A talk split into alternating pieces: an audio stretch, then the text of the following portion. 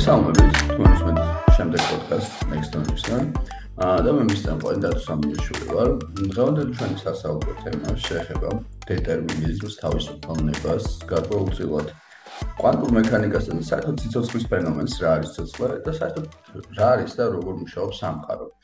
აა ჩვენ გვაინტერესებს თუ რამდენად შეიძლება წინასწარ იყოს განსაზღვრული ყველაფერი ის, რასაც ვაკეთებ და საერთოდ ყველაფერი ის, რაც სამყაროში ხდება. აა ამ ხრივ შეიძლება ითქვას, რომ მეცნიერები და ზოგადად ამ თემით დაინტერესებული ადამიანები ორად იყოფიან, თუმცა ამ ორ მომენტსაც აქვს ალბათ ბევრი ჩაშლა და შეგვიძლია ზუსტად დღეს ეს გავაკეთოთ. აა სულ ცოტა ხნის წინ გამოქვეყნდა ცნობილ ნეირობიოლოგთან აა რობერტ საპოლსკისთან ინტერვიუ და შეიძლება ითქვას, რომ ჩვენი ამ კონკრეტული პოდკასტის ინსპირაციაც იყო საპოლსკის ინტერვიუ, სადაც საკმაოდ ცნობილი ნეირობიოლოგი და მეცნიერი ამტკიცებს, რომ ნამდვილად სამყარო ჩვენ ადამიანები ამ შემთხვევაში ვართ დეტერმინისტრიული ბიორობოტები. მოკლედ რო აღარ გამიგზელდეს, დღეს ვისაუბრებთ ზუსტად ამ თემაზე. ჩვენი სტუმარი არის გიორგი მამალაძე, პროგრამისტი, გამოგონებელი, აა ის დღეს მოღვაწეობს მიუნხენში, კომპანიის იმენში მუშაობს. გიორგი, გამარჯობა, როგორ ხარ? გამარჯობა, დიდი მადლობა მოწვევისთვის და როგორც შენ სწორად აღნიშნე, ჩვენი ასე ვთქვათ, პოდკასტის იდეა დაიბადა დისკუსიიდან ამ საპოლსკის ინტერვიუს გარშემო, ხო?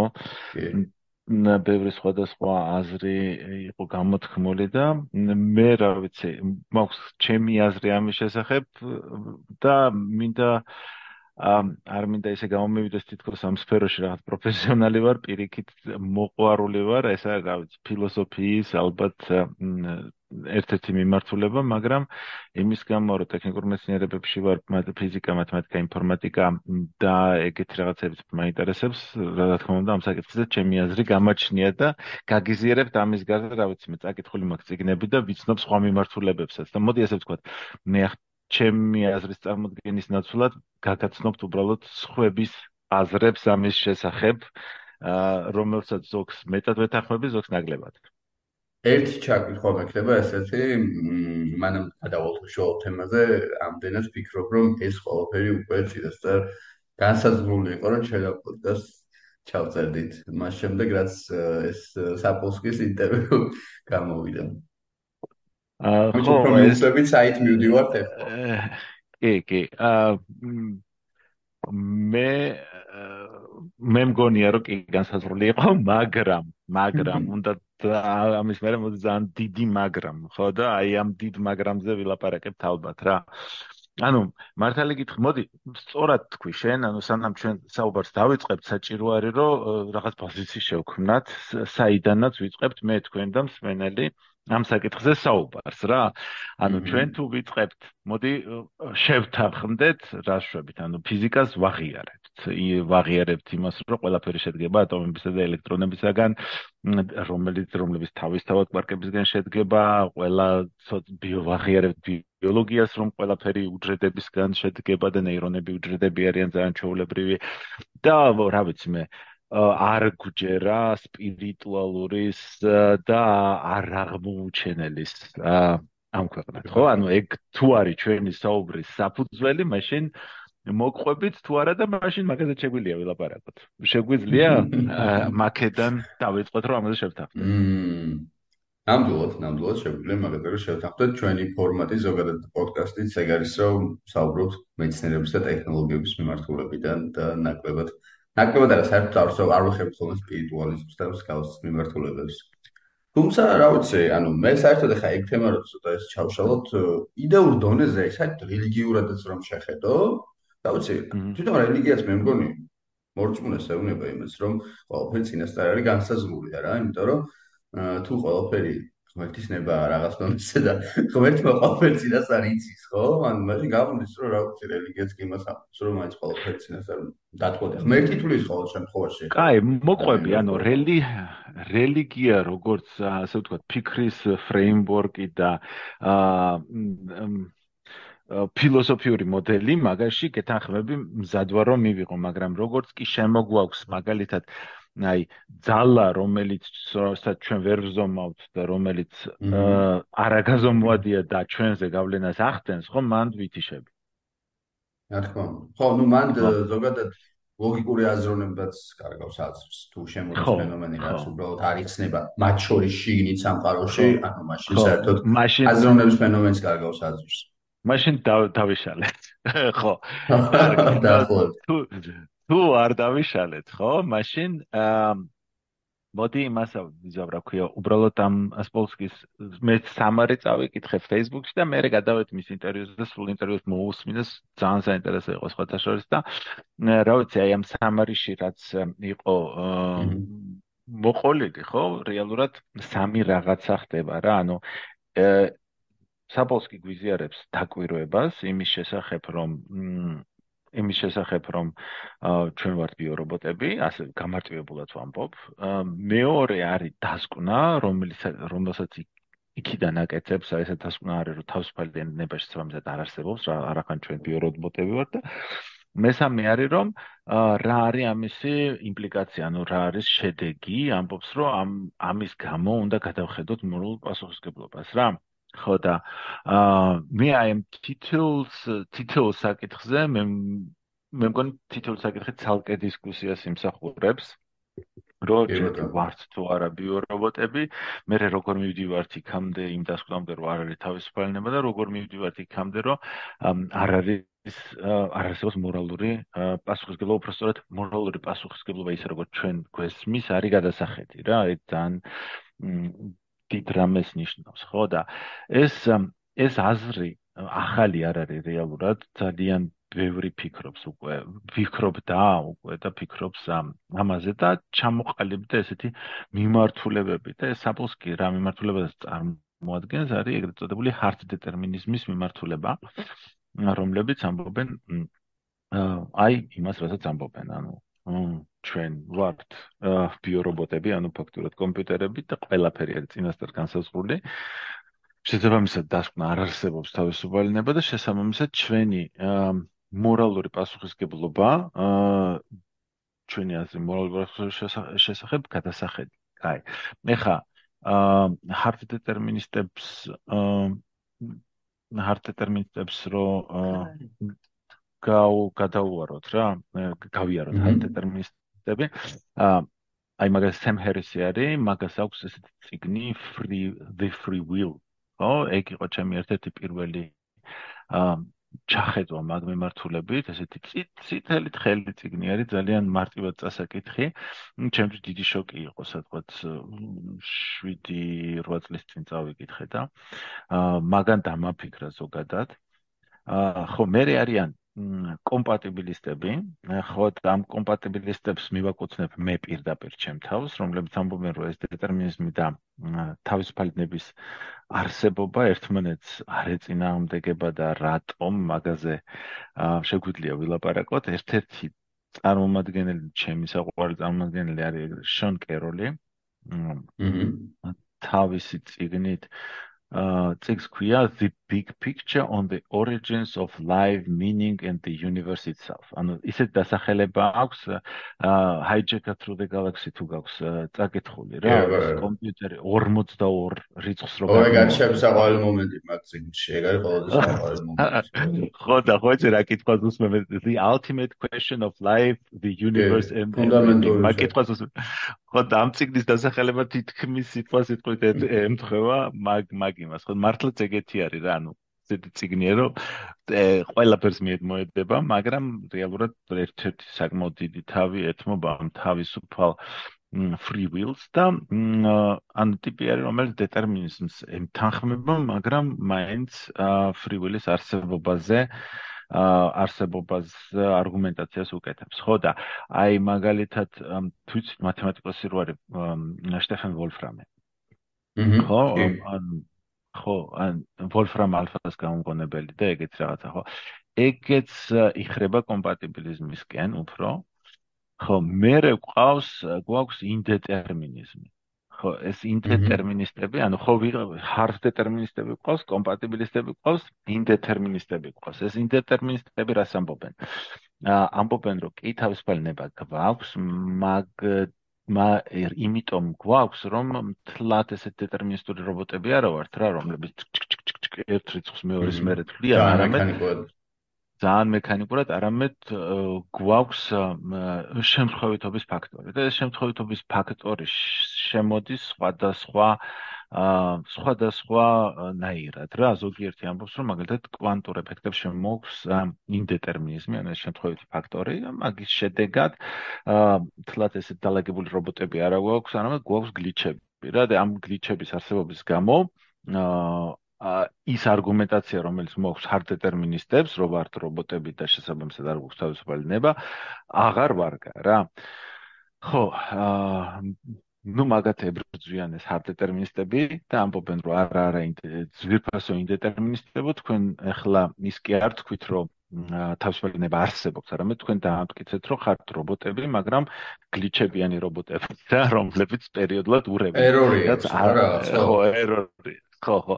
რაც არ ნიშნავს იმას რომ თავისუფალი თავისუფალი free will ანუ თავისუფალი ნება არსებობს ავტომატურად. ანუ შენ თუ გლიჩი გაქვს არ ნიშნავს იმას რომ თავისუფალი ნება ავტომატურად გაქვს და შენ თუ ეძახი გლიჩს თავისუფალ ნებას მაშინ კი ბატონო მაგრამ მე სხვა რამეს ვეძახი თავისუფალ ნებას და მე მივდივართ იქიდან ხო. მე მივდივართ იმაზე რომ მიდის მაგაზე დავა რა ახლა.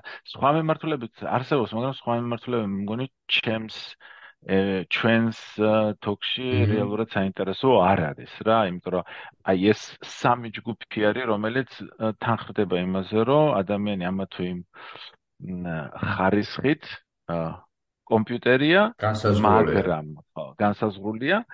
ხო, მაგრამ და მე მიდის ეს მაგრამები რა.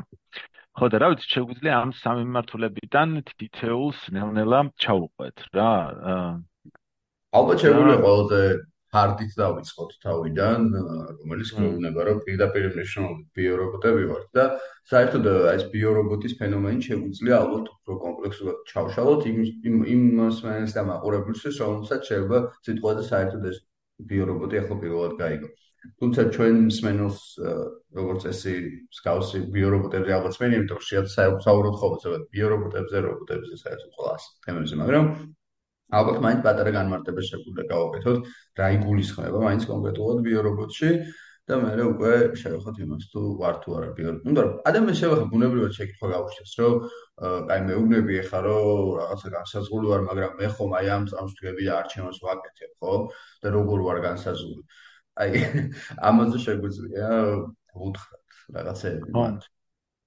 ხო, ნუ მოგლეთ ახლა ჩვენ ვეცდებით იმ ემკაცის აი ეს თხელი წითელი წიგნი რომელიც მე ვახსენე ორ სიტყვაში ალბათ ხო ალბათ ორ სიტყვაში გადმოვცეთ რა მაგრამ ცადოთ რა ვიცი და მეხმარე შენ. სემჰარის სხვათა შორის კი სემჰარის სხვათა შორის რაღაც უცნაური გავლენა ქონდა ჩემზეც მინდა თქვა ანუ სამსხურში ვიყავი რა ახლობთ მე მგონი 5-6 წლის წინ იყო და უბრალოდ Facebook-ი ჩამოსკროლე და სამფარს არ ვიცოდ და big things-ზე ამომიგდო მოკლედ რაღაც ვიდეო რა პატარა. აა და მაშინ რაღაც ჩემ წიგზე მუშაობდი და აი აი სრულიად შემთხვევით, ან უცებ ესე მიგდებს ამ იმას, ხსნი და ეს ადამიანი ზუსტად იმას მელაპარაკება, მოკლედ რასაც იმ წამს ფიქრობდი და რაღაც სიუჟეტი მქონდა რა ამ ჩემში აწყობილი და ზუსტად მაგაზე მიყვებოდა და მეთქი ანუ რა ხდება თუ რაღაცა რა თან ზუსტად დაახლოებით ეგეთ რაღაცას ლაპარაკობდა დეტერმინიზმზე საუბრობდა, გლიჩებზე საუბრობდა და კიდე ნუ ფსიქოდელიკებზე საუბრობდა, როგორ როგორ შეცვალა მისი ცხოვრება რა, რაღაც დონეზე ამ ფსიქოდელიკებმა როგორ აღიქვა რაღაცები საერთოდ სხვანაირად რა და მაშინ ეგ ადამიანი მაშინ ძალიან დაამახსოვრდა და ეგ ვიდეო დღემდე მაქვს შენახული და რაღაც იმასავით არის ხოლმე რომ სულ ცდილობ ხოლმე რომ ეს ვიდეო რაღაც პერიოდში ერთხელ თავიდან ახლა ძალიან მიყვარს ეს ვიდეო და მინდა დაამუშავე და სხვა ჩვენს მერე ჩემ წიგში ზუსტად ეგ სიუჟეტი მაქვს, უკვე ჩემ პერსონაჟს ემართება, რომ ამ სემ ჰარისით, ერისით ინსპირირებული მოგეთ სხვა სხვა რაღაცებს აკეთებს რა და ძალიან ხო ხო მე მე შინაური შინაურია ჩემთვის ეგ სემ ჰარისი. ხო ხო მე ხო მე მე მაქვს ხოლმე ეს ზოგადად რა ვიცი მე შეიძლება ზოგიერთ ჩვენს მენელიც ამ ტალღაზეა ახლა, იმიტომ რომ არ ვიცი როგორ ხდება ეს რაღაცნაირად სხვადასხვა ბაბლებ ბაბლებს, ხალხის ბაბლებს აქ ერთი ადგილიდან მეორეში ისვრის ერთდროულად რა. ანუ და ეს არის რეალურად ეს ეს არის რა ვიცი მე ინტერკონტინენტალური ბაბლები არის რა და ხან ერთ კუთხეში მიასკდებიან, ხან მეორეში რა. და მე რაზე ვიცინი ხოლმე, იცი აი ხო არიან რაღაც იზოთერიკული ბაბლები და რა ვიცი, აი რაღაც მომენტში ატყდებიან ვაქცინა, ვაქცინა, ჩიპი რაღაცა და აი მთელი მსოფლიო ჩიპზე ბასრობს და ეს ჩვენი ბაბლები ეგრე ჩვენი ბაბლები ეგრე არიან რა რაღაც მომენტში ატყდებიან და ფრივილზე ხოცავენ ერთმანეთს მეორე მომენტში სადღაც სხვაგან გაისვრიან ხოლმე ხო რა. ხო ნუ ეხა ფრივილი არის მოდაში. თან თან სხვა შორის არის კი. მოვიდა დაბრუნდა სადღაც 7 წლიანი ციკლის მერე.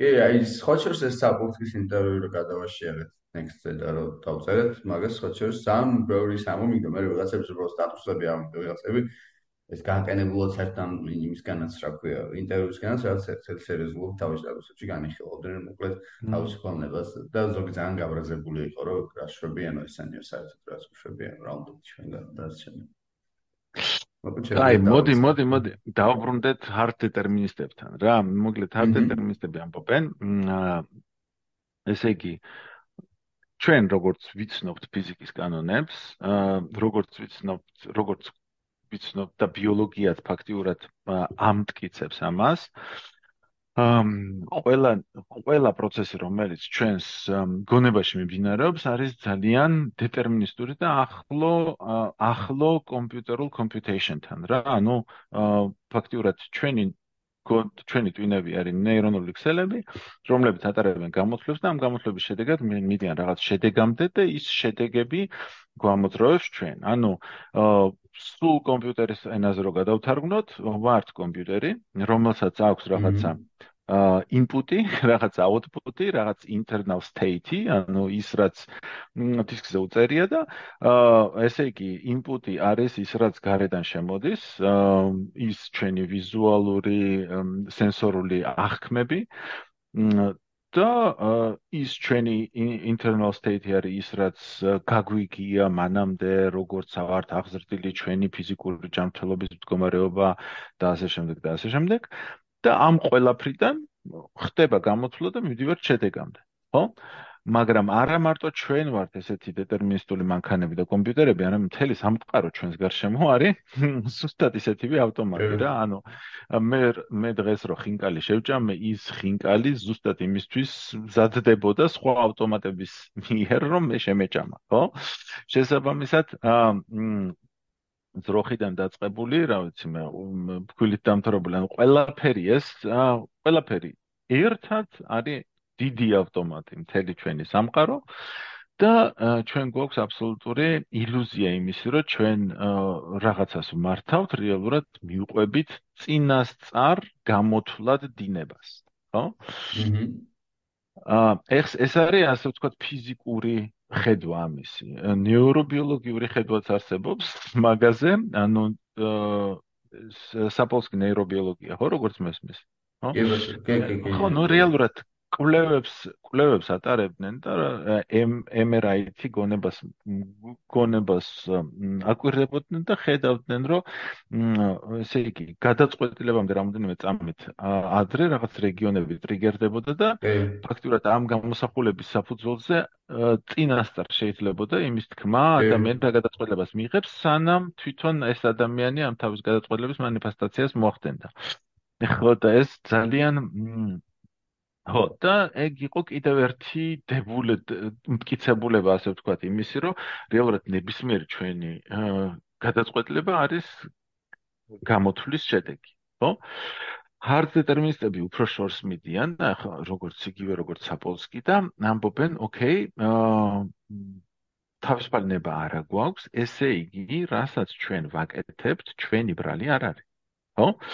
ანუ აა მე იმისთვის თუ მე როდესაც ცუდ რამეს ვაკეთებ, არ უნდა დავისაჯო. რატო არ უნდა დავისაჯო? იმიტომ რომ იყო პრეცედენტები სამართლის სამართლის სისტემაში, როდესაც აა ესე ვთქვათ, ადამიანები რაღაც დანაშაულს ჩადიოდნენ, მე სამედიცინო ექსპერტიზის შედეგად გინდებოდა, რომ მათ რეალურად აქვთ ტვინის ისე რა, კიბო, ხო? ან რაღაც ტვინის დაზიანება და მაგის შედეგ და, და მათი ქმედება ფაქტურად ავადმყოფობით იყო გამოწვეული და არ იყო იმით გამოწვეული, მათი მათი საკუთარი ნება არ იყო. და რეალურად მართლაც ესე არის, რომ ასე ვთქვათ, ხანდახან ადამიანები იმყოფებიან ისეთ სამედიცინო მდგომარეობაში, რომელსაც ეძახიან რაღაც რაღაც იურიდიული ტერმინოლოგია არსებობს მაგისია, არ ვიცი ინგლისურად. კი, კი, კი. და გერმანულად. ნუ სამკურნალოდ მიყავთ ხოლმე ფსიქიატრიულში ეგეთი ადამიანები. ხო, ფსიქიატრიულში მიყავთ და ამბობენ რომ ციხეში არ მიყავთ. და ციხეში არ მიყავთ, არც ჭიან და ის რატომ ისინი არ აგებენ პასუხს თავის საქციელზე? რამე იმიტომ რომ მათი საქციელი, მათი გადაწყვეტილების შედეგი კი არ იყო, არამედ იყო რაღაც სამეცნიერო კონდიციის შედეგი. ხო, და ესენი ამბობენ რომ მოდი მაშინ ჩვენ მორალურ პასუხისგებლობის პარადიგმას ჩვენ საზოგადოებაში უნდა გადავხედოთ. და ის რაც გადაწყვეტილი გვაქვს რომ ადამიანს ცუდი საქციელისთვის უსჯით, რეალურად კი არ უნდა დავსაჯოთ, არამედ ის არის აი ავტომატი, რომელიც რომელმაც თავის დაუნებლიეთ ჩაიდინა ეს საქციელი, იმიტომ რომ ეს ესე პროგრამა მე სამოაგდო, ასე ვთქვათ. რა, ხო, პროგრამა მე სამოუგდო. რატომ უნდა ვატკინოთ ადამიანს, მაშინ როდესაც მას პროგრამამ ამოუგდო. ხო. ხო. აი ეს არის hard deterministების ასე ვთქვათ აზრთა მსვლელობა, მაგრამ ჩვენ რეალურად ძალიან ვამარტივებ, ხო, ხო გესმის? თუმცა ეხლა თუ ძალიან ეგრე ჩაუბრმავდებით პირობითად ვამბობ. ისე მაგ პრინციპით საერთოდაც მაგას რატო ამბობთ, ხო? ეგერი, იმიტომ რომ მაინც რაც მოსახდენია მოხდება. რას ნიშნავს საერთოდ რამის თქმას? თუ თუ ეგრე შევხედოთ ცოტა ნიჰილიზმისკენ თუ გადავალთ, ხო? ანუ საერთოდ აა მსჯელობასაც რა აზრიებს მათ შორის თავისი თავისი აზრის გამოთქმასაც რა აზრი აქვს, რომელიც უკვე რაღაც თონზე დაგენერირებულია. და საერთოდ აი აი ეს თემა რომ გავშალოთ და ცოტა აი hard determinism-ი რომ გავშალოთ და შევხედოთ ადამიანების მიღმა საერთოდაც დედამიწის მიღმაც, ხო? მე პირადად ესე ვხედავ, არ ვიცი, შე როგორ ფიქრობ, აა თუ სამყარო მართლა ესე დონეზე დეტერმინისტულია, აა მაშინ როგორც ფიზიკოსები, ზამთარ ფიზიკოსი ამას ამბობს კიდევაც, ხო, რომ პირველივე წამიდან, წამის მეტრილიონებიდან, როდესაც ხდება ნუ ეგრეთ წოდებული დიდი აფეთქება, აა და სამყარო ჯერ რაღაც კვანტურ დონეზეა, ხო? ანუ ჯერ ნაწილაკების კი არ არის შექმნილი და რა ვიცი, ძალიან პატარაა. ამაში უკვე უნდა ყოფილიყო ზუსტად ის პოტენციალი და ის ყველაფერი როგორც მოვიდა აქამდე და მე დასასრულიც უკვე დეტერმინისტული უნდა იყოს, ანუ ამ სამყაროსი. დასაწყისი და დასასრული, ანუ აი არის მაგალითად თეორია big crunch-საც ეძახიან, ხო? რაღაცა დიდი გახლეჩვა, დიდი გაყინვა, იწყება დიდი აფეთქება და მეორე სამყარო ძალიან დიდი გაფართოების შედეგად უბრალოდ მეორე სადღაც აა საბოლოოდ მოკლედ როგორც მე მისვლის ენტროპიაც ამთავრებს განვითარებას და საერთოდ ვიღებთ რაღაცა გაყინულ სამყაროს, რომელსაც რომელშიც დრო დროის არსებობაც კი აზრს კარგავს, იმიტომ რომ შეგიძლიათ უბრალოდ მატერიაც კი აღარ არის, რომ ან ენტროპიან ამ დროის საერთოდ რამე იმოქმედოს რა. და ნუ ამ თეორიას თუ გავყვებით, შეიძლება ითქვას, რომ ეს ყველაფერი დასაწყისიდან დასასრულამდე ყველაფერი გაწერილია და ნუ რაღაც დონეზე ფილმს გავს, ხო, ეს ყველაფერი. ანუ თითქოს აი ვიდეოზე რომ ვინახავ ჩაწერილი ფილმი, რომელშიც ჩვენ რომელ კადრზეც გადაახვევ, აა იქ ხარ. და ნუ მაგაზე მახსენდება ხოლმე ფორმაშლება ხო, მოდი გადახვევ, სიტყვა გადახვევა დავიმახსოვროთ და გავაგზავნოთ. ანუ სიტყვა გადახვევა არის აი პრინციპული არის მაგ საკითხში, დავიმახსოვროთ, გავაგზავნოთ. მე კი ბატონო. ხო, იმიტომ რომ აი მათ შორის აინშტაინის მე რაც მესმის ერთ-ერთი გამონათქვამია, რომ დრო ილუზიაა, ხო, მე მგონი ეს გამონათქვამია, მაგასთან თუ დრო ილუზია, ანუ იდეაში რა გამოდის, ხო, რომ სამყარო ხო ფარდობითია, ან დროის მსვლელობას დამოკიდებულია იმაზე სათხარ და თეორიულად, ну, მომავალში მოგზაურობა თავისთავადაც შეგვიძლია, თუ რაღაც სიჩქარის გამოვითარებთ ან რაღაც მასიურ ობიექტთან მიქებით, მაგრამ თეორიულად შესაძლებელია, რომ წარსულშიც დაბრუნდე, ხო? აი, არ ვიცი, პირობითად ვამბობ რა, ეს რაღაც ფიზიკა ძალიან ბევრი ეცინააღმდეგება მაგას ამობელო შეუძლებელია, მაგრამ თუ სამყაროს მოკლედ რაღაცა იმა დააღვიყო ფირის იმასავით, როდესაც მართლა შეგიძლია ნებისმიერ მომენტში შეხედო მაშინ გამოდის რომ ჩემმა ერთმა მეგობარმა ერთ-ერთი გავს ამ თემაზე რომ საუბრობ ძალიან საინტერესო რაღაც მითხრა დავამახსოვრე და ამას ვიმეორებ ხოლმე რა აი კომიქსები რო არის ხოლმე, სადაც რო გადაფურსლავ რამდენიმე იმას, თითქოს პერსონაჟი ცოცხლდება და მოქმედებას რო აკეთებს რა. და ამ ხა ესეთი რაღაცა ჩვენო რეალურადო ეგეთი ტიპები ვართ, მე მგონიო რა. ამ სინამდვილეშიო ყველა კადრიო არისო ეს ჩალაგებული ფირფიტები ვითო წარმოიდგინეო და შენო ამასე უბრალოდ სკაპ სკაპ სკაპ სკაპ სკაპ გადახოღოლ რაღაცა ხედავს ცნობიერიო და ამასე გონიაო რომ მოქმედება ხდებაო რა იქ ვარსკვლავი პეთქდება იქ შენ რაღაცა აკეთებო მაგრამ რეალურად აი ლეიერებადო ეს სინამდვილეში უნდა იყოს დაწყობილიო რა ეს ყველაფერიო რა. ხო ანუ hard determinism-ამდე მაშინ ანუ გამოდის მთელი ყველაფერი მართლა უნდა იყოს ეგეთ დონეზე გაწერილი და არანაირი ანუ საერთოდ ანუ ეხა მეც რომ საუბრობს ხელი მოძრაობს ყველაფერი ეს ყველაფერი სადღაც დალაგებულია ლეიერებად და ცნობიერი რასაკეთებს ერთადერთი ტიპია ცნობი რომელიც ამას უბრალოდ ხედავს რომ ოპ ხელი ჩავიდა ავიდა ამაზე ვილაპარაკეთ რაღაცა რა და ნუ არ ვიცი ეს სრული სიგიჟეა, მაგრამ ძალიან ძალიან ისეთ საინტერესო რაღაცა. უბრალოდ ერთადერთი რისგანაც მე ამისგან შეიძლება გამოღწევა, სადო არის ალბათ ისევ კვანტური მექანიკა, რომელიც გვეუბნება, რომ ნუ რაღაცა განსაზღვრული არაფერი არ არის, ხო? აი აი ეს მაინტერესებს. რამდენად შეგვიძლია კვანტური მექანიკის განუზროობა დაუპირისპიროთ ამ აუც ფილფიტებს, ლეიერებს, ასე ვსაუბრობ. სმენელისთვის ხას გაუსვა კვანტური მექანიკას, თუ ვისაც კარგად არ იცის, ორი სიტყვა შეგვიძლია თქვა, რომ კვანტურ მექანიკაში ნაწილაკ შეუძლია ერთდროულად იყოს სხვადასხვა ადგილას და მისი ესე ვთქვათ პოზიცია ეგრევე სუპერპოზიცია რა არის რომ მის პოზიციის განსაზღვრა ვერ ხდება.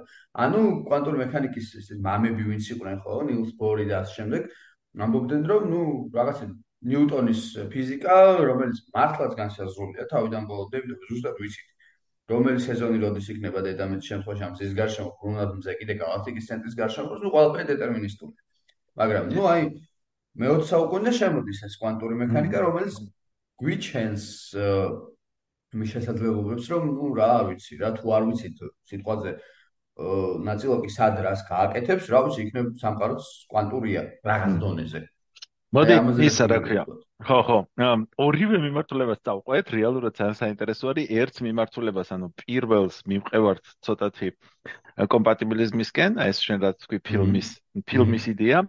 მაგას წავყვეთ მე მგონი ჯერ და მეორე არის აი ეს კვანტური თეორია იქ მივყევართ ინდეტერმინიზმისკენ. ხო და აი მოდი ახლა ფილმს წავყვეთ და აი რა ვიცი ვეცდები რომ ვაფშე სხვანაირად დაგანახო ეგ ყველაფერი რა აი იმიტომ რომ მე რო ეგ გავიგე ხო ვოემისგან და ქვია ვოლფრამისგან ეგ პირველად რო გავიგე საერთოდ გონება გადამეტრიალდა ძალიან რა.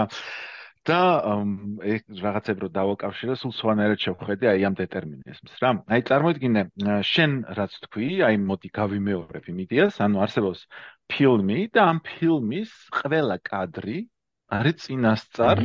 ასე ასე ვთქვა ცნობილი ჩვენ ამას მხოლოდ ვატრიალებთ რა. და ფილმი არის უკვე გადაღებული და ფირფიტაზე სადღაც არსებული და აი ეს ადამიანებს ძალიან ძალიან გვაწუხებს რა ჩვენ ხო? ეხა? აა საბოლსიმ სკიმას თქვა სხვათა შორის რომ აი ურთულესი სისტემები მაგალითად აი ხეები როგორ გაიზრდება ხე ხო? ან მდინარე როგორ განიტოტება, ან ჩვენი ნერვული სისტემა როგორ გაიზრდება და ასე შემდეგ და ასე შემდეგ, ხო? აი მაგ ფილმის თეორიის თანახმად არსებობს აი ამ ხის ზრდის ფოტოები, ხო? ყოველი state-ის იმ ხის გვდომის მომენტამდე რა და ფაქტიურად ეს ფორმა წინასწარ ცნობილი არის რა. ანუ ეს არის წარმოიდგინე, ეს არის უამრავი ინფორმაცია, რა ვიცი, გიგაბაიტები, პეტაბაიტები, აა უამრავ ინფორმაცია, ანუ ყველა უჯრის შესაძლო პოზიციის ვარიანტი რო ჩაწერო, აი ამ ფილმში, აი წარმოიდგინე რამხელა ფილმი გამოგივა ეს, ხო? მაგრამ აი ვთქვათ და ეს ფილმი მართლაც არსებობს, რა. აა სინამდვილე კიდევ არის შემდეგი, რომ რეალურად აა ფილმი კი არ არსებობს. არსებობს აა რამოდენიმე მარტივი წესი, რომლიდანაც დანარჩენი დათვლადი. ხო? როგორ კეთყვი ახლა მაგალითად როგორ არის. აი შენ თუ იცი ფესვი 2 არის ირაციონალური რიცხვი. ირაციონალური რიცხვი ნიშნავს იმას რომ მისი მაგალითად ათობითი ჩანაწერი არის უსასრულო. ხო? ანუ არ მთავრდება არსად და არსად არ მეორდება. აა და ესე იგი ჩვენ ფესვი 2-ის ზუსტი მნიშვნელობა დღესაც არ ვიცით. ან მარავინ არის ეს ფესვი 2-ის ზუსტი მნიშვნელობა? ჩვენ უბრალოდ გაქვს ფორმულა, რომელიც წინა მნიშვნელობიდან შემდეგ უფრო დაახლოებულ მნიშვნელობას გამოთვლის. მიხვდი? და ამით უფრო დაუახლოვდები ფესვი 2-ის რეალურ მნიშვნელობას, ხო? მერე შემდეგი არის ფორმულა, რომელიც n-1-ს აიღებს, ანუ წინა მნიშვნელობას აიღებს, რაღაც გამოთვლას ჩაატარებს set და შემდეგ მნიშვნელობას დაიქვის და ეს გამოთვლა რთული კი არ არის რა, უნდა აიღოთ ფესვი 2-ის წინა მნიშვნელობა, გაყო 2-ზე მიუმატო 1 გაყოფილი აა ფესვი 2-ის წინა მნიშვნელობაზე რა, ანუ აა ჩვეულებრივი პლუს მინუს манипуляცია და მაგის შედეგად უახლოვდები ფესვიორის შემდეგ მნიშვნელობას, ხვდები? ხო და ვიღაცა დაჯდა და დაიცვალა, რა ვიცი მე, კომპიუტერით 10 ხარისხად 32 აა მნიშვნელობა ფესვიორის, თქვათ რა. მაგრამ იმის მერე აღარავის არ აღარ დაუთვლია და იმის მერე რა მნიშვნელობა არავინ არ იცის. ანუ ჩვენ გვაქვს მარტივი წესი და აი რაღაც ძალიან რთული რიცხვი, ხო? აა აი ხა ერთ კიდევ ერთ მაგალითს გეტყვი, რომელიც შეიძლება ცოტათი უფრო ადვილად გასაგებია, აი მაგალითად ეს ეს ის უჯრედული ავტომატები რა. ყველაზე მარტივი უჯრედული ავტომატი არის ჭადრაკის დაფა. ანუ ჭადრაკის დაფა აა წარმოიდგინე უსასრულო ესა გრიდ გრიდი როგორ არის ქართულად? ხო, უხვები. ბადე, ბადე, ბადე, ბადე. ბადე, ხო, კვადრატების ბადე, უსასრულო კვადრატების ბადე, ხო? და შენ იწყებ სადღაც შუიდან რა, ერთ საფერადებს შავად, მეზობელს თეთრად, მერე შავად, თეთრად, შავად, თეთრად, შეიძლება ერთი მიმართულებით წახვიდე, შეიძლება ყველა მიმართულებით წახვიდე, ხო? და აი შავი, თეთრი, შავი, თეთრი მონაცვლეობით და წარმოიქმნება ჭადრაკი რა. ანუ შენ გაქვს ძალიან მარტივი წესი, ხო?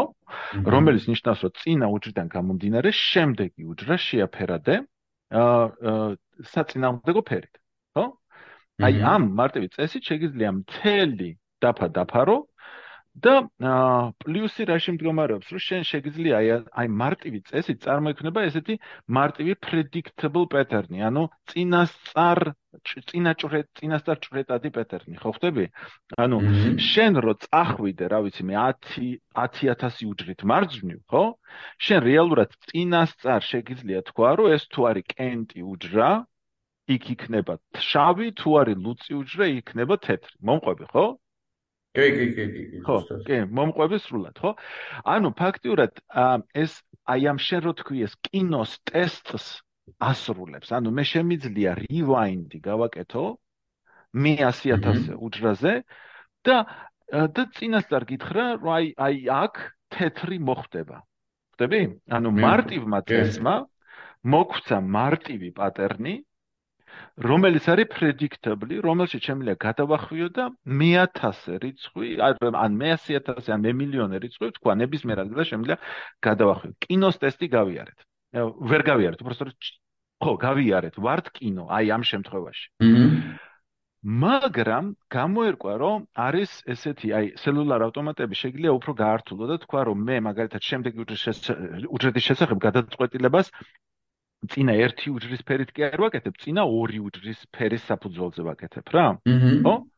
ხო და მე იქნება აი მაგალითად ერთ უჯრიან ავტომატში, ხო? მე მაქვს მაგალითად გადაწყვეტილება, რომ ან მონაცვლეობით შევაფერადო ესეთი წესი, ხო? მონაცვლეობის წესი, ყველაფერი თეთრი წესი, ყველაფერი შავი წესი, ხო? ანუ ეს ფაქტურად ეს სამი წესი მაქვს ერთუჯრიან ვარიანტში ხვდები? ანუ ალგორითმი როგორ შეიძლება მე დაფა შევავსო, ხო? და შენ შეიძლება როდესაც უყურებ წინა სამუჯრას ან წინა ორუჯრას, ხო? წარმოიდგინე რომ აი ამ შევსების ალგორითმი შედარებით რთულია რა, მაგალითად შენ უნდა თქვა რომ პირველი და მეორე თუ შავებია, ხო? მაშინ მესამ და მესამე თეთრი, მაშინ შემდეგი იქნება თეთრი. აჰა, კი ბატონო. ხვდები? და აი ამ წესების, წესების ბევრი სხვადასხვა წესი არსებობს. მაგალითად, ერთი წესი არის, რომ შემდეგი არის თეთრი თუ წინა ყველა არის შავი, რა? და აი ეგეთი რაღაცა. მაგ წესებს ქვიათ rule, რა? rule, rule-დან აქვს თავისი ნომრები. ხო და სამუჯრიანი ავტომატების შემთხვევაში არის სულ შემოსაზღვრული რაოდენობა ამ რულების, რა? და აი ხა გიზიარებ ეკრანს ამ რულებთან დაკავშირებით, ხო? გვაქვს აგერ ხო. და აა არა ფაქტიურად აქ მოხს მე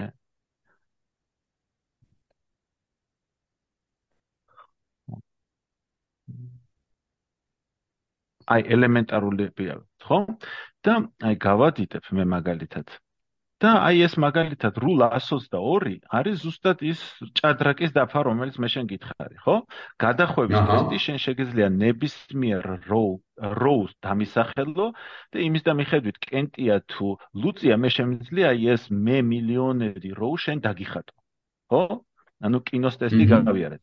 აი ესეც გაივლის კინოს ტესტს, ხვდები? იმიტომ რომ repeatable pattern-ია. ესეც გაივლის კინოს ტესტს, ესეც, ხო? ანუ მარტივმა წესმა მოგვცა შედარებით მარტივი, მაგრამ predictable pattern. გამოირკვა, რომ არსებობს რულები, ისეთი მაგალითად, როგორც არის მაგალითად რულ 30, რომელსაც რომელიც ამ კინოს ტესტს ვერ გადის.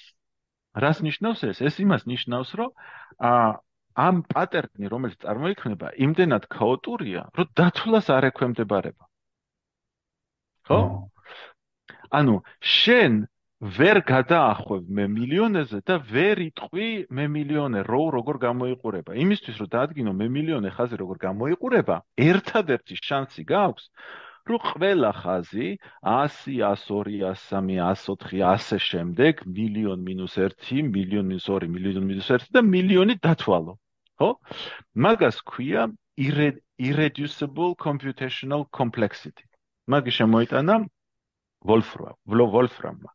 ანუ რას ნიშნავს, რომ შენ გაქვს მარტივი წესები, ყველაფერი დანარჩენი ითვლება ამ მარტივი წესებიდან, ხო? დათვლადია ამ მარტივი წესებიდან, მიუხედავად ამისა, კინოს ტესტს ვერ გადიხარ. რა, ანუ წინასწარ ყველაფერი არ არის ცნობილი. ყველაფერი არის წინასწარ დათვლადი, მაგრამ წინასწარ ცნობილი არ არის. ხვდები? დათვლადი არის მაინც? დათვლადი არის, მოყონთ დათვლის ერთადერთი შანსი არის ეს ყველაფერი გაიარო. ანუ აი ეს ცხოვრებაზე და ფიზიკურ სამყაროზე თუ გამოგადმოვიდანთ აა მდგომარეობს ეს ყველაფერი იმაში, რომ ესე იგი, ყველაფერი ესე იგი, ჩვენ ვართ ადვილ მარტივ წესებზე ბაზირებული, ხო? წინა მდგომარეობიდან თეორიულად შემდეგი მდგომარეობა დაცვლადია, ხო? მაგრამ მაგრამ ვერაფერს ვერ გადაახდებ, ვერ დასკიპო, ვერ გადაახვევ. ხვდები? ანუ წარმოიდგინე, რომ შენ უყურებ კინოს, რომელშიც გადახვევის უფლება არ გაქვს. და ამ შემთხვევაში რა განსხვავებაა შენთვის, ანუ ჩანაწერი, რომლის გადახვევის არანაირი შანსი არ აქვს, ხო? აა იგი ტოლფასია ლაიფთან, არა? ხო. ვა.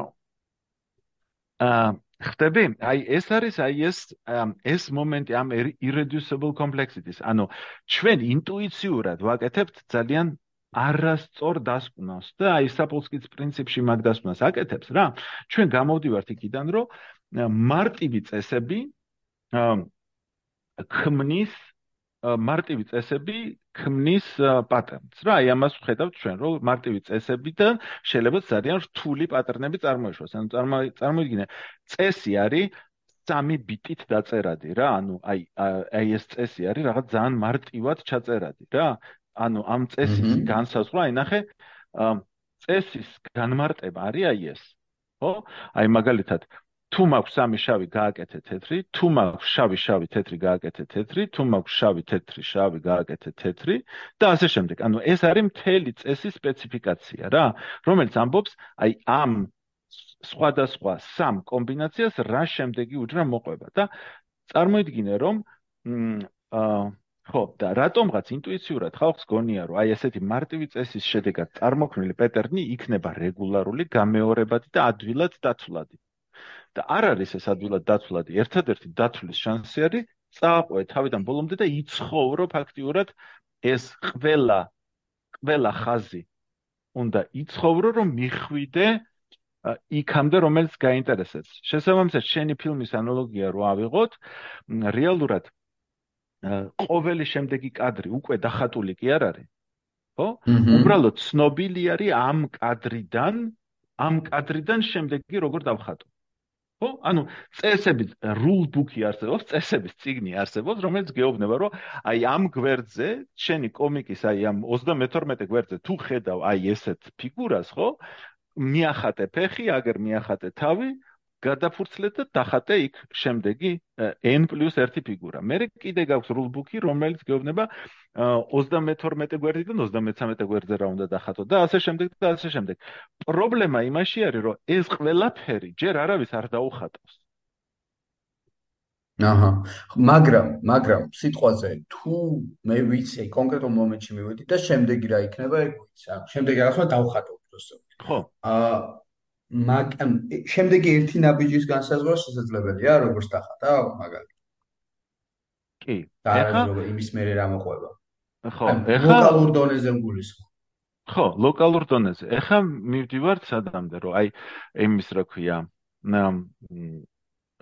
მაგალითად აი ეს პატერნები რომლებიც მე განახეთ ხო? ა ნებისმიერი ნებისმიერი რიცხვი როგორც არის ირაციონალური რიცხვი როგორც არის π მაგალითად ან როგორც არის ფესვი 2-დან ხო? ა აგრეთვე რაღაცა ადგილამდე დათვლილია მაგრამ იმის გამო ის უსასრულოა ხო მთლიანად ვერ დათვლი ხო? ანუ ვერ დათვლი და ვერ დაწერ ვერსად ვერ ვერ შეინახავ.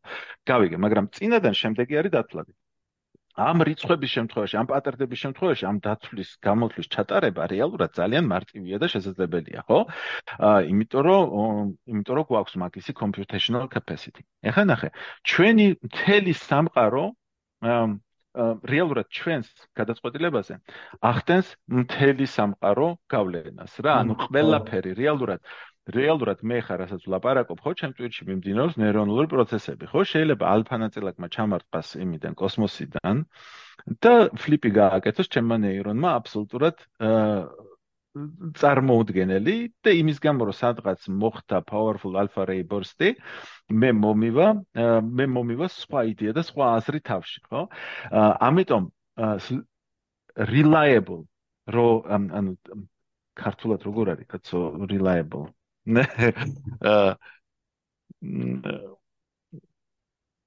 ხო ნუ ხდები ხო ხო ანუ ზუსტად რო გამოთვალო შემდეგი state-ი ხო წინა state-ისგან აი ყველაფერი უნდა გაითვალისწინო და ამ ყველაფრის ყველაფრის პოზიცია უნდა იცოდე, ყველაფრის მდგომარეობა უნდა იცოდე, ყველაფრის სიჩქარე უნდა ეგესმოდეს და ეს იმდენად რთულია, რომ შეგვიძლია ჩვენ მთელი სამყარო, ჩვენ მთელი სამყარო რეალურად მაგას ემსახურება, რომ შემდეგი state-ი დათვალოს წინისგან. ანუ დაი დაინახა ეს მთელი სამყარო თავისი იმებით, ნაწილაკებით, თავისი თავისი არის ავტომატი, რომელიც ამ წესებს ასრულებს. და შენ ხარ ამ სამყაროს ნაწილი და შენ გინდა რომ ეხა ამ სამყაროს რესურსების ნაწილი გამოართვა, ხო? და ამ რესურსების ნაწილით მთელი სამყაროს state-ი რაღაცნაირად წინა წინასწარმეტყველება გააკეთო. შეუძლებელია, იმიტომ რომ თვითონ სამყარო ითვლის ამას რა, ანუ ბუმ, დღე ერთი კადრი დათვალა, ბამ, წავიდა მეორე კადრს ითვლის, მესამე კადრს ითვლის და ასე შემდეგ და ვერიზა. მაგრამ რა შეგიძლია ქნა? შეგიძლია აა რაღაცა გავლენების აა დროპი გააკეთო და თქვა რომ ამას არ ვითვალისწინებ, ამას არ ვითვალისწინებ, ამას არ ვითვალისწინებ და აი ამას ყველაფერს თუ არ ვითვალისწინებ, მაშინ შეგიძლია გამარტივებული მოდელით გააკეთო prediction და ზუსტად მაგას ვაკეთებ ჩვენ ადამიანები. ანუ საიდან იცის რომელმა ნეირონულმა ქსელმა რომ მე რას ვიყიდი ხვალ, ხო? არა და suggestions სწორს მაძლევს რეალურად და რა ვიცი მე 99% ალბათობით ის არის მართლაც ჩემი არჩევანი რა, რა suggestions-აც მაძლევს. რატო იმიტომ რომ იმას აქვს ჩემი აზროვნების გამარტივებული მოდელი მოგებული კონკრეტულად ამ კითხვის პასუხზე გასაცემად ხო და პასუხი შენ კითხვაზე არის რომ აბსოლუტურად 100% შემდეგ კადრს ვერ დავითვლით მაგრამ შემდეგი კადრის ნაწილების დაახლოებით გამოცნობის საშუალება დღეს დღესაც გვაქვს უკვე და მაგისტვის ვიყენებთ რა ვიცი მე კომპიუტერებს predictive maintenance ყველაფერს რა. აა ხო. აა ვერანაირ სიმძლავრე, ანუ გამოდის რომ ვერანაირ სიმძლავრე ანუ გამოთვლითი სიმძლავრე. მაგალითად, აი კვანტურ კომპიუტერებზე რაც საუბრობთ ხოლმე რა. თუ ეს კვანტურ კომპიუტერები ძალიან განვითარდა, რომლის შესაძლებლობებიც ბევრად დიდი იქნება, ხო, ვიდრე დღევანდელი კლასიკური კომპიუტერების. მაინც შეუძლებელია, ანუ მაგას ვამბობთ, ფიზიკურად შეუძლებელია ესეთი განსაზღვრა, ხო? ანუ პირველ ნაბიჯიდან ნაბიჯის გამოთვლა სამყაროს. ხო, ეგ არის ეგ არის თეზისი რა, მაგას ქვია irreducible computational complexity რა, ანუ ამას აქვს დათულ computational complexity, ანუ დათulis სირთულე, რომელიც არ არის აა reducible შემცირებადი რა, მაგრამ რა თქმა უნდა, რაც უფრო მეტ მეტი capacity გვექნება, მით უფრო კარგ მოდელებს გავაკეთებთ, რომლებიც ბევრად უფრო კარგ კარგ პრედიქშენებს მოგცემს ეს პრედიქშენები იმდენად ახლოს იქნება რეალობასთან, რომ შეიძლება იმ გარე ფაქტორებს საერთოდ გავლენა, იმ გარე ფაქტორების გავლენა საერთოდ მინიმალური იყოს რა. მაგრამ ჯერჯერობით მანდ არ ვართ რა. ჯერჯერობით ვართ ძალიან შორს მაქიდან. შესაბამისად, ხო, დღევანდლიდან ხვალინდელის დათვლა აი ეგეთი მომენტი არის რა. ერთი ერთის ის მინდოდა ახლა აი ამ სელულარ ავტომატები რო განახე რა, მინდოდა მენახებინა აა ეს ლოკოკინა, ხო? აა ხო. აი გასაკვირი გასაკვირი ფენომენია ჩემთვის და რეალურად მაჩვენებს რამდენად რამდენად სიმართლე არის ამ ყველაფერში რა.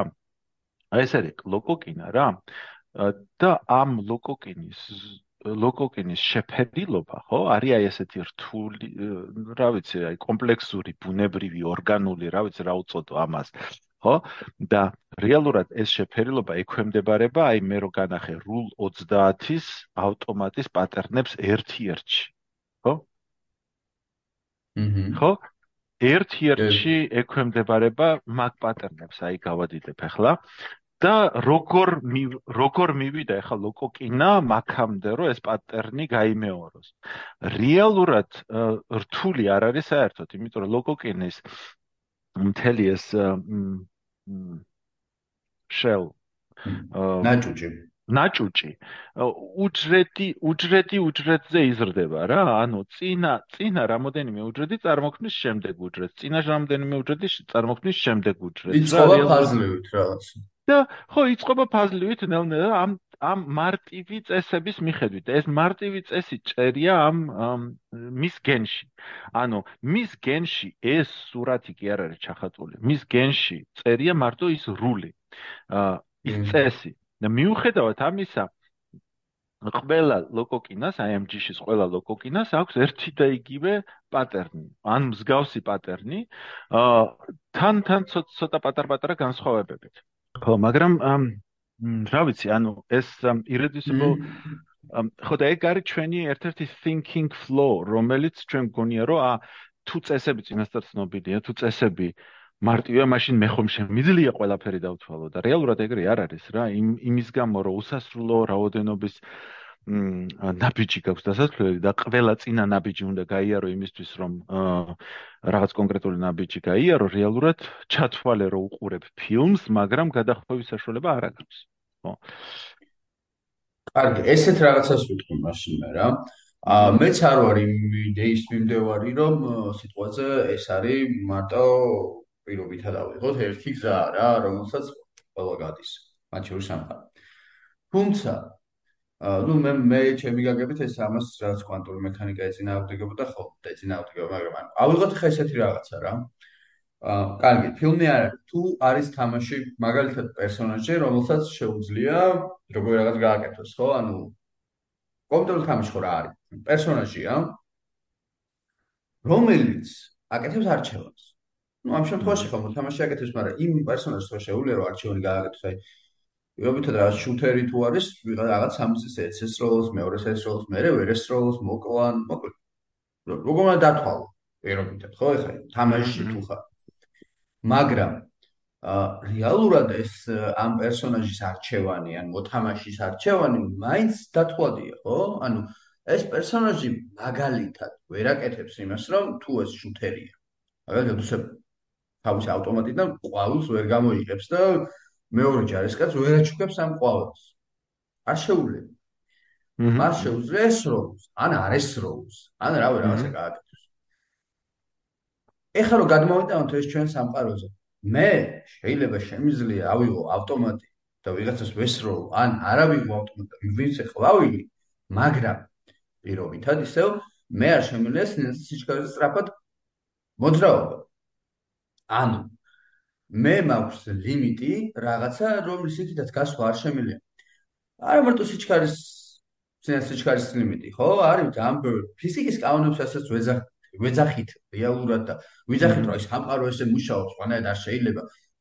იქნებ ეს ზუსტად იმის მანიშნებელია სინამდვილეში ეს ფიზიკის კანონებსაც ვეძახით, თამაშის მანიშნებელია, რომ კი, არის ბევრი ვერსია, არის ის რომ აი ამ კუბიკს ამას ეს მოყვება, მე იმას მოყვება, მაგრამ თუ სამყარო განსაზღვრულია რაღაც კანონებში, რაღაც მოცემულობებში, თუ მაგალითად თუ პირობითად მე ავიღებ ძალიან მასიურ კი რაღაც ობიექტს ავიღებ გინდათ დედამიწას და მის მატერიას ჩაუპრესავ.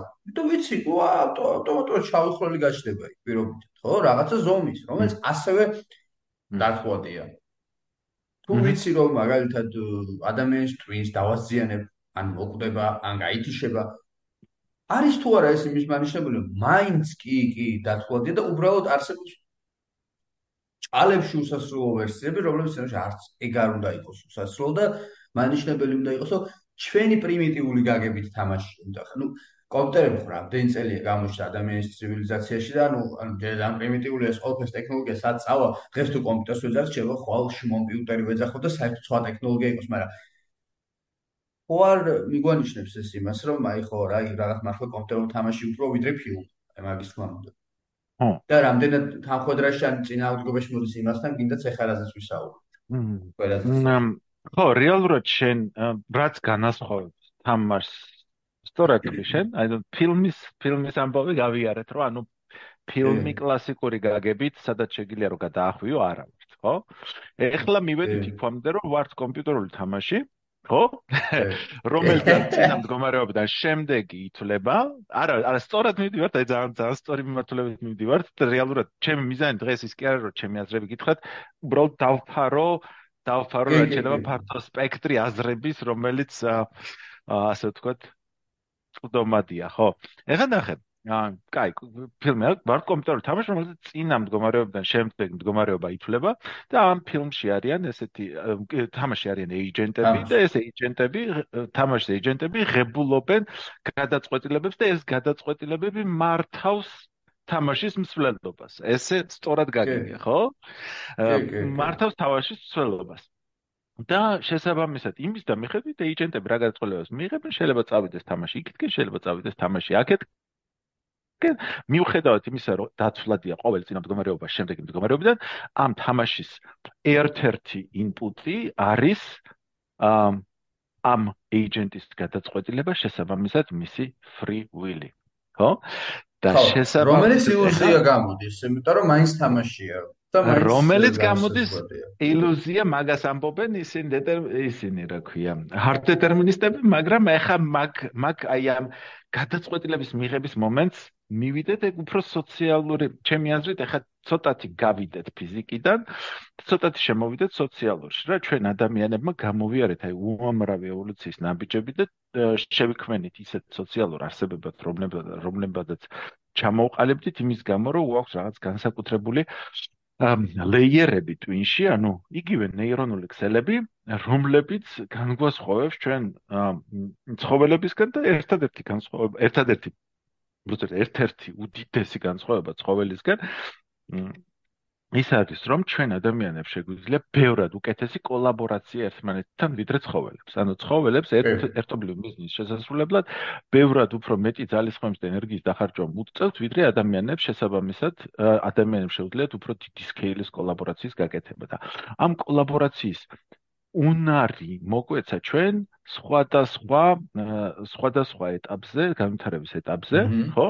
სხვადასხვა რაღაცების შედეგად მაგალითად ლაპარაკი იყო ერთ-ერთი მნიშვნელოვანი აა მნიშვნელოვანი მომენტი. და შენ თუ იცი არის ესე თეორია კი არა ცნობილი არის რომ ესე იგი ემბრიონი თავის განვითარების ეტაპზე. გადის სხვადასხვა ფაზას. გადის ევოლუციურ ნაბიჯებს, რომლებიც ჩვენ ევოლუციურად გავიარეთ ოდესღაც რა და რაც უფრო გვიანი ევოლუციური ნაბიჯი არის, მით უფრო ბოლოსკენ არის ეს რა. ანუ ბავშვი რაღაცა ეტაპზე გავს ხვლიკს, მერე გავს ისა ძუმწოვარს, მერე გავს მაიმუნს და ასე შემდეგ და ასე შემდეგ რა. ხო და ასე ვთქვათ, ეხლა და ადამიანის ჩამოყალიბება, ანუ დაბადების მომენტიდან არ არის დამთავრებული, ის კიდევ ყალიბდება, მე მგონი რაღაც 20 წლამდე ყალიბდება რა, მაგრამ ადამიანად რა, ანუ საბოლოო ფორმას სანამ მიიღებს რა. მაგიტომ არიან რომ პატარა ბავშვები ვერ დადიან, ვერ ისა რა ქვია, დაფოფხავენ, ვერ მეტყველებენ და ასე შემდეგ, ასე რაღაც თვისებები არ აქვს რა. და ესეთი ექსპერიმენტის შესახებ მინდა მოგიყვე, ამ ექსპერიმენტს ქვია აა ამ ექსპერიმენტს ქვია, მოდი ჩავიხედავ ჩემს შპარგალკაში, Sally an experiment. აა რომელსაც უტარებენ 4 4 5 6 წლის ბავშვებს. რა და 4 4 5 წლის ბავშვები ვერ გადიან ტესტზე 5 6 წლის ბავშვები გადადიან. როგორც ჩანს 4 წელი არის რაღაცა ბარიერი გარდამავალი. გარდამავალი ბარიერი სადაც კიდევ ერთი ევოლუციური ნაბიჯი ხდება და აი ეს ამ თვისებას ღებულობს ადამიანი რა შემდგომარეობს ეს თვისება ესე იგი ორ თოჯინას აჩვენებენ ბავშვს რა ოდეს თოჯინები ერთმანეთთან ლაპარაკობენ არის ორი ყუთი, წითელი ყუთი და წითელი ყუთი და რა ვიცი, ლურჯი ყუთი, ხო? ენი და სემი და ენი და სელი ქვიათ ამ თოჯინებს რა. ერთ-ერთი თოჯინა იღებს რაღაცა იმას marbles, ანუ მძივს, ხო? და დებს წითელ ყუთში, ხო? მე მეორე თოჯინა ენი გადის და სელი ჩუმად ამოიღებს ამ ძივს წითელი ყუთიდან გადადებს ლურჯში ხო? და მე ენი ისევ შემოდის და ბავშვს ბავშვს ეკითხება ეს ენი თოჯინა აბა მითხარი რომელ ყუთში უნდა ვეძებო რომელ ყუთში უნდა ვეძებო ძივი ხო? ბავშვს ეკითხებიან და ბავშვს ეკითხებიან რომ აბა რომელ ყუთში დაიწყებს ენი ძებნას ამ ძივის. რატო ესე იგი ჩვენთვის ბუნებრივია რომ იმის გამო რომ ჩვენ ვიცით რომ ends იმის გამო რომ გასული იყო არ აქვს იმის შესახებ ინფორმაცია რომ ამ ძივის გადადების ფაქტი მოხდა ხო? დაიწყებს დაიწყებს ის ბუნებრივად ძველ ყუთში ძებნას ხო? აჰა აჰა მეხტი რატომ? იმიტომ რომ ჩვენ ჩვენ წარმოვიდგინეთ თავი ენის ადგილას ხო რომელიც იმ მომენტში გასული იყო და ვიცით რომ მას არ შეეძლო ამ გადადების ფაქტის დანახვა, იმიტომ რომ გასული იყო. და ბავშვები 4 წლის ბავშვები მაგას ვერ ხვდებიან. 4 წლის ბავშვებს და ეს ექსპერიმენტი იქნა მილიონჯერ გამეორებული მთელ მსოფლიოში. 4 წლის ბავშვებს არ აქვთ უნარი რომ საკუთარი საკუთარი ეს დანახული, ხო? და საკუთარი განცდილი კიდევ ერთხელ გადაათამაშონ ოღონდ სხვა პიროვნების პერსპექტივით. აჰა. გასაგები. ანუ სიმულაციის უნარის სიმულაციის უნარი არ გააჩნიათ. ხო? სად მივყევართ ამასა? ძალიან შორიდან დავიწყე რა. სად მივყევართ ამ და ეს თვისება ნელ-ნელა მე უჩნდებათ. მე მაგალითად ჩემი პირველი ბავშვობის მოგონებები, რომელიც რომელიც მომდის თავში, არის ობსერვა პერსპექტივიდან. ანუ ვიღაცა აა მიყურებს მე, ან მე კი არ ვარ ის, მე კი მე კი არ ვარ, ვიღაცა მაკვირდება. ხო? მიუხედავად იმისა, რომ ვიცი, რომ ჩემი მოგონებაა რა. არა და არა და ისეთ შექმნება მოკ რომ ვიღაცა მაკვირდება და რეალურად მე ჩემ ბავშვებზე ჩემი მჩნევია რომ რაღაც ასაკამდე ბავშვებს ეს მე მე შეგრძნება ნაკლებად აქვს ეს ენობრივადაც გამოიხატება თავის თავზე მესამე პირში ლაპარაკობენ ხოლმე ხანდახან რა ხო, რატომ არა გვაქვს ეს მე? იმიტომ რომ ეს მოითხოვს ექსტრა კიდევ ერთ დამატებით ნეირონულ ქსელს. აი წარმოგიდგენია, წარმოგიდგენია, გაქვს ნეირონული ქსელები, რომელიც ღებულობს გადაწყვეტილებებს, რა? ხო? ეს ხარ შენ, ეს არის შენი გადაწყვეტილებების მიმღები ნეირონული ქსელი კომპიუტერი, რომელიც თვლის და აფურთხებს გადაწყვეტილებებს, decision-ებს ერთს მეორე, ერთი მეორეს მერე, ხო? ხო და ესე იგი, იმისთვის რომ შენ სელი ენის ექსპერიმენტი ჩაატარო, გჭირდება შემდეგი რაღაცა, რომ შენ უნდა აი ეს ეს მექანიზმი უნდა დააკოპირო, ხო? და კიდევ ერთხელ გაატარო ოღონდ ნაკლები ან სხვა ინპუტით. ხტები სხვა პიროვნების ადგილზე შენი თავის დაყენება ნიშნავს რომ შენ შენ თავს ჩაწარო სიმულაცია ო შე ოღონდ ამ შენ სიმულაციას ანუ შენი გადაწყვეტილებები შენი ნეირონული ქსელი კიდევ ერთხელ გაუშვა მიაღებინო გადაწყვეტილება ოღონდ სხვა პირის ინპუტებით დაახლოებით ხტები დაახლოებით რაც გეუბნები? კი კი კი. მომყვები ხო? ხო და ესე იგი ეს თლადგიჟური კონცეფტი არ არის ხო, თლადგიჟური კონცეფტი არ არის რეალურად მართლაც ესე ხდება ჩვენ თავში რა და აი ამ სიმულირების უნარი ჩვენ შეგვეძინება მხოლოდ მოგვიანებით და ზუსტად ეს სიმულირების უნარი არის რომელიც ჩვენი გადაწყვეტილებების მიმღებ ქსელს თავზე აჯდება ხო და აი ამ ორის ერთმანეთზე დაჯდომა არის ეგრეთ წოდებული მე, ხო? უფრო უფრო მარტივად აგიხსნი სხვა მაგალითს. აი წარმოიდგინე ნეირონული ქსელები როგორ მუშაობენ, ხო იცი დაახლოებით რა? ანუ არის მაგალითად ნეირონული ქსელი, რომელიც ღებულობს გადაწყვეტილებას კრედიტი გასცეს თუ არა პიროვნებაზე რაღაც უამრავი ინპუტის საფუძველზე, ხო?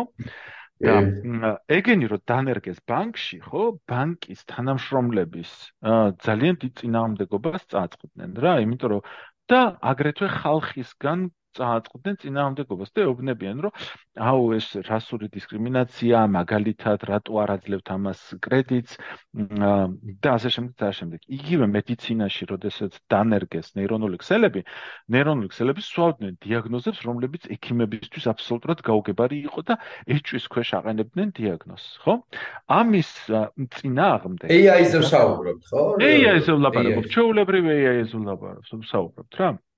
ჩოლებრივ AI-ზე ვსაუბრობ, ანუ ჩვენი დღევანდელი თანამედროვე ტექნოლოგია, რომელიც ესე არის დანერგილი state of the art არის ყველგან, ხო? და რა გააკეთეს ახლა აი ამ AI-ებს დაასვეს თავზე ახალი AI, ხო? რომლის ფუნქცია ის კი არ იყო prediction-ი გაეკეთებინა, დამათი ფუნქცია იყო, რომ prediction-ი გაეკეთებინა გადაწყვეტილება მიიღო და მეორე იყო, რომელიც ამ გადაწყვეტილებების ახსნას აწარმოებდა. ხო? და ამბობდა, რომ ამ კაც კრედიტი იმიტომ არ მივეცით, რომ სოლს არის ორჯერ გაცილებული, შესაბამისად ეხლა ქორწინდება და იმის იმისი ალბათობა, რომ ამ სოლსაც გაცილდება არის მაღალი, შესაბამისად დგას კრედიტის რისკის ქვეშ. ხვდები? ანუ ესეთ იმას რა ქვია დასაბუთებას გასლებდა. ან მაგალითად რაღაცა გიჟურ დიაგნოზს თუ დასვავდა, გეუბნებოდა რატო დასვა ესეთი გიჟური დიაგნოზი, რა რაზე დაფუძნებით რა. ანუ ფაქტურად არსებობდა ერთი ქსელი, რომელიც გადაწყვეტილებებს ღებულობდა, მე ამას თავზე დაასვას მეორე ქსელი, რომელიც ამ გადაწყვეტილების ახსნას აწარმოებდა. ეხა ისევ ბავშვს დაუბრუნდეთ რა. ჩემი ბავშვი აა რა ქვია, შეჭამა ყველა კანფეტი შეჭამა აი მაშინ რა ქვია. მაგიდაზე რაც იყო და მე ვთქვი რა რატო შეჭამე ყველა კამფეტი შენ ძმას არაფერი არ დაუტოვე შენ ძმა დაბრუნდება ახლა ბაღიდან და არ ექნება კამფეტი და იტირებს და მეც გაგიბრაზდები. ხო? ეხლა რა მოხდა? რეალურად მისმა ნეირონულმა ქსელმა ძალიან ბუნებრივი გადაწყვეტილება მიიღო. კან ისა რა ქვია რესურსი არის ხო? ავითვისოთ ხდები ეხლა მე მოვედი და მივეცი ფიდბექი მის აი მის მაკონტროლებელ ნეირონულ ქსელს, ხო?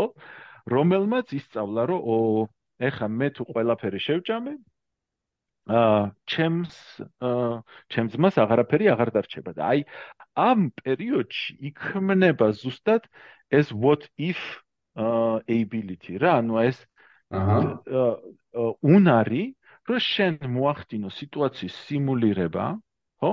აა დაატრიალო სიტუაცია სხვისი თვალსაზრისებით, ხო? გაითვალისწინო რაღაცა ფაქტორები და ის და და დადო, ასე ვთქვათ, შეჯერებული დასკვნა იმ ნეირონული მარტივი ნეირონული ქსელის, მარტივი გამოთვლის, რომელიც გეუბნება შეჭამე, და გამოთვლის, რომელიც გეუბნება, რომ არ შეჭამო, ხო? და ზუსტად მან იქმნება, ასე ვთქვათ, სოციალური პასუხისგებლობის კონცეფცია, რომელიც მდგომარეობს იმაში, რომ ესე იგი, ეს სოციალური პასუხისგებლობა სხვა არაფერია, გარდა იმისა, რომ აა საზოგადოება გეუბნება, რომ შენ შენი ესე იგი, გადაწყვეტილების მიღებაში აა ყველა ფაქტორი არ გაითვალისწინა. და არ ისე სწორად არ გაითვალისწინე ფაქტორები, როგორც ამას შენგან საზოგადოება მოელის. როგორც ამას შენგან мама მოელის, როგორ ამას შენგან ძმა მოელის, ყველა ფაქტორი არ აქვს გათვალისწინებული და დახვეწე შენი AI. ო, ჩაატარე retraining-ი, შეცვალე რაღაცა პარამეტრები და შემდეგში მიიღე უკეთესი გადაწყვეტილება. შესაბამისად, ის რაც ჩვენ გვგონია ჩვენი მე და ის ინსტანცია, რომელიც ამ გადაწყვეტილებებს ღებულობს, ხო? რეალურად არის პარალელური ნეირონული ქსელი, რომელიც აა სხვა ნეირონული ქსელების მიერ მიღებული გადაწყვეტილებების შეჯერებას აკეთებს, რაღაც სიმულაციებს ატარებს და აა ამ მიღებული გადაწყვეტილებების ახსნას ახსნას ატარებს. შესაბამისად, ცდილობს, ხო? ახსნას ცდილობს აა ზუსტად აი ამ სიმულაციის საფუძველზე რა და აა ფაქტიურად ასე ვთქვათ გვაქვს ორი მე მართლაც ეგრე არის ქვეცნობიერი და ცნობიერი იმას რასაც ცნობიერს ვეძახით ჩვენ იმ ცნობიერს აა გონია რომ გადაწყვეტილებებს ღებულობს. ხო? აა მაგრამ აი ხა დაუბრუნდეთ ისევ აი ამ რიცხვების გენერაციის მომენტს. რა აი წარმოიდგინე შენ რომ წინასწარ თუ იცი ალგორითმი რომელიც ამ რიცხვებს აგენერირებს ხო შენ შეგიძლია თქვა რომ შემდეგი შემდეგი რიცხვი შენ შეიძლება გონებაში პარალელურად დათვალო და შენ შეგიძლია თქვა რომ შემდეგი რიცხვი იქნება 5 შემდეგი რიცხვი იქნება 6 შემდეგი რიცხვი იქნება 10 მაგრამ წარმოიდგინე შენ რომ ეს ალგორითმი არიცი რა ეს ალგორითმი არის შენთვის დამალული შენთვის უცნობი და იქიდან რაღაცა რიცხვები გამოდის. ხო? ის რიცხვები, რომლებიც იქიდან გამოდის, გამოთვლის შედეგად შენთვის ჩანს როგორც ეგრეთ წოდებული გადაწყვეტილება. ხო? აა და წარმოიდგინე, რომ ესეთი მანქანა შენ თვითონვე გაქვს თავში. ხო? აა რომელშიც შენს ცნობიერს არ ჩაეხედება, აი ამ ეს ცნობიერი ზემოდან უყურებს ამას, იქიდან გამოდის გადაწყვეტილებები, ეს ცნობიერი აგენერირებს ამ გადაწყვეტილების ახსნას, ხო? რატომ მივიღე ეს გადაწყვეტილება და აი ამას, აი ამ მოვლენას ეძახი შენ free wills. ანუ თავისუფალ ნებას. ხო? რაც არის აა რაც არის, რა ვიცი რა, ძალიან მიღებული ტერმინოლოგია და ძალიან ჩაოლებრივი რამ. ანუ მე მაგაში პრობლემას არ ხედავ, რომ აი ამ აა მოვლენას free will-ი უწოდოთ.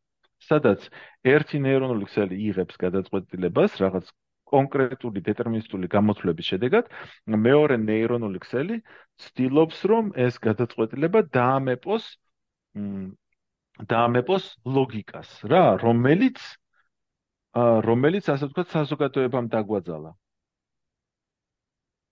აჰა კი კი. მაგ ხრივ აი სხვა ცნობიერი არის ცნობიერი ზუსტად ეგრე ვხედავ ხოლმე. ეს მაგაზე რომ ვფიქრობ ხოლმე რეალურად. თუმცა ერთი ხო მომენტი მოცემულობა არის რომ გრძნობთ ხო? ან ილუზია თუ არა. მატრიცაში ხო არის ესეთი მომენტი ერთ ფილმში საიფერი რომელიც ღალატობს ნეოს და იმას მორფეუსს და ეს აი ზუსტად ხო რა და მაგასე უნდა რომ გემრიელიაო რა და სიმულაციაშია ხო რა გამიშოთო მატრიცაშიო სულ ისეთ გემრიელი იყოს თუ რაღაცაო და თავარი არ ვიცოდეო რა სადუარო რა გემრიელია და გემრიელიაო და ეგ ამბავია რა მაინც რა. ხო ანუ ევოლუციაც ხო რეალოდ მაგით არის დაკავებული. ან აი გარდა იმისა, გადაჩენასაც ვიძახ. ხო, თითქოს რაღაც ისე უყურებთ ხოლმე ევოლუციის ფენომენს, რა. აა, თითქოს ეს ევოლუცია ისეთ ტიპი იყოს, რა. აი, მარტო იმისთვის იყოს, რომ რა, სიცოცხლე გადარჩეს. მაგრამ ჩემ ეს ევოლუციის იდეა ასევე ის არის, რომ სიცოცხლე მარტო რომ გადარჩეს, ამასთან ერთად სიცოცხლე დაარწმუნოს, რომ გადარჩეს. ანუ მიანიჭოს მას ისეთი რაღაცები, რითაც ის სიამოვნებას მიიღებს და მე ამ სიამოვნებაზე დამოკიდებული გახდება. აჰა. ადამიანის შემთხვევაში, ნუ ახლა ცხოველი უფრო ალბათ უფრო უფრო ხო, ისეთი ბიორობოტია რა, მაინც რა, ანუ ახლა ვერ დაждდება და ვერ იფიქრებს, რომ მიიღებს კი, მაგრამ ეს სიამოვნება ამად ხო, ეს მაგაზე.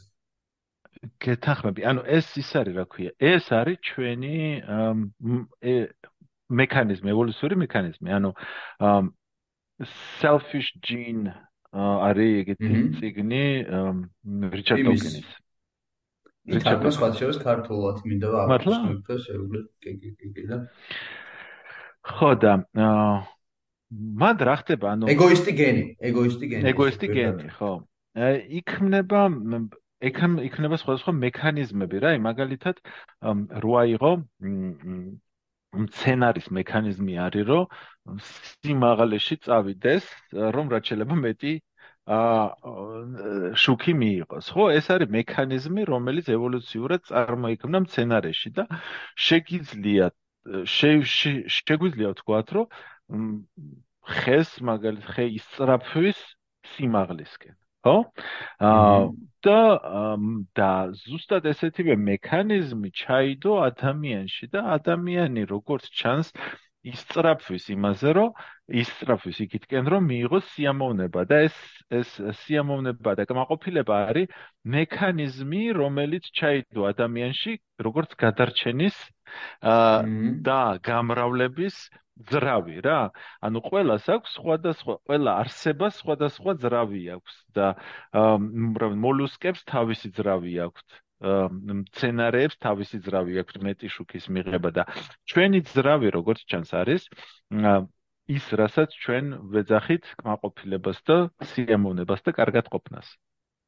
აჰა. კი. ნუ, ეგრე აა და ხო. მაინც აი რო შევხედოთ ცოტა ესე შევდეტერმინიზმის ეს არც ეხებოდეს მაგრამ მაინც აი ადამიანის ფენომენი ხო რა ანუ არსება რომელიც უნდა მოკვდეს და აუცილებლად მოკვდება განცილულია სიკვდილისთვის დგება და რაღაც სამყაროს აშენებს რომელიც მისი არ იქნება. და საერთოდ ის და საუბრობს მომავალზე რომელიც მისი არ იქნება. აჰა ესეც ხო რაღაც იმაზე მეანიშნებს ანუ არადეტერმინიზმს რომ გავხდეთ საერთოდ ანუ უბრალოდ რაღაც ბიორობოტობას და ნამდვილად მიანიშნებს რომ მიუხედავად იმისა რომ იცი რომ ანუ შვილიც მოკვდება მისი რა პრობლემაა ის თუ იტყვის რომ აი ჩემს ანუ მომავალ ჩემი შვილებისთვის ვაშენებ ა ჩემი კი შეშვილი შვილებისთვის ანუ რა შვილი შვილებისთვის აშენებ ხო ისიც მოკვდება ერთ საუკუნეს ამყაროს არაფერი არ არის ანუ ვისთვის აშენებ რომ იმისთვის და საერთოდ არ ეცოდინებ შევიხარ ხო? ანუ რა აზრი აქვს საერთოდ? ან შენი შვილის გაჩერდა ან შვილი შვილის გაჩერდა ხო? აუცილებლად არავის არ ემახსოვრები. არ ჩემი შვილი არავის არ ემახსოვრება შენ მაინც საუბრობ მომავალზე. ეს პირდაპირ მიანიშნებს ჩემი აზრით რომ კი ვარ ბიორობოტები ამაზე ხა მე რომ საუბრობ ეს ჩვენი პოდკასტი დასრულდება და მეც დავიწყებ ჩემს მომავალზე ისევ ფიქრს რომ აი ეხლა ეს მინდა ეს გადაწყვეტილებები მოხწყორებაში მისაღები და კი, ეს არის აბსოლუტურად სასარგებლო მენტალური მოდელია რა, მაგაზე მაგაზეც გეტყვი იმეების, რა ქვია, კომპატიბილისტების მოსაზრებას რა. მაგრამ იქამდე ხო, აი შენ რო თქვი ინდივიდუუმი და ჩვენი ასე ვთქვათ აა ინდივიდუმის სტრაფვა რო რაღაცები აკეთოს და რაც პრინციპში უაზრო არის ერთი ინდივიდუმის ესა რა ქვია გადასახედიდან ხო?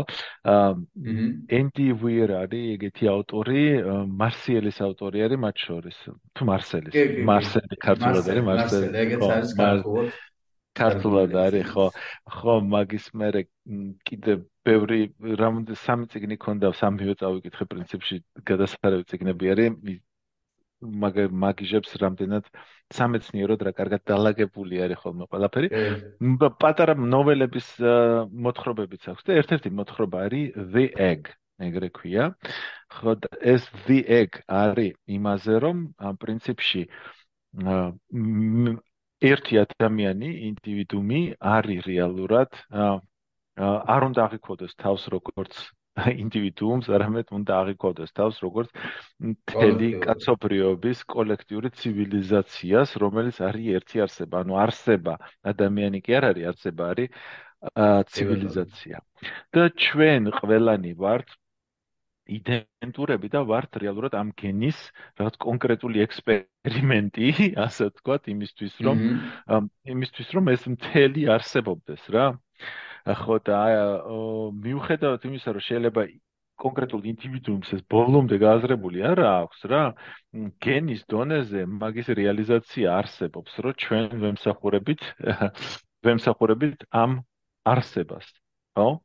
და არა ჩვენს ინდივიდუუმს. შესაბამისად რეალურად გვაქვს აა უფრო მაღალი დონის მისია ვიდრე მარტო შენი თავისთვის სიამოვნების მინიჭება და შენი კონკრეტული well-being-ი ხო?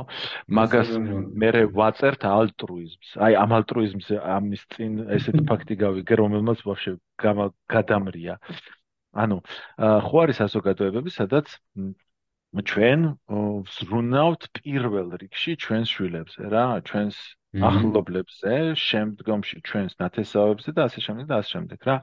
ანუ თეზისი არსებობს, რომ ფაქტიურად ჩვენი ცხოველური ინსტინქტი არის, რომ შვილებზე ვიზრუნოთ რა. და გამონაკლისი არიან აი ესეთი ალტრუისტული საზოგადოებები, როგორც არიან ჭიანჭველები და ფუტკრები, რომლებიც რო თავის საკუთარ გამრავლებაზე ინდივიდები უარს ამბობენ და ზრუნავენ სხვის შვილზე, ანუ იმისი დედოფლის შვილზე, რომ ის იმას მოუარონ, ის გამრავლონ და ასე შემდეგ და ასე შემდეგ, ხო? ხო და აა ეს თითქოს პარადოქსია პირველ და თვითონ თავის თავის შთამომავლობაზე საერთოდ უარს ამბობენ რა. წესით, აი ამ selfish gene-ის მიხედვით, ხო? ეგრე არ უნდა ყოფილიყო, ანუ ყველა ინდივიდუმი უნდა საკუთარი გენის გენების უნდა ზრუნავდეს. გენების უნდა ზრუნავდეს და შენ აქ კიდე უფრო ისეთი ცივილიზაცია შეიქმნა ამ ფუტკრების, სადაც ისინი საკუთარი გენის გამრავლებაზე უარს ამბობენ. გამოერკვა, რომ მათი გამრავლების თავისებურებებიდან გამომდინარე, ხო?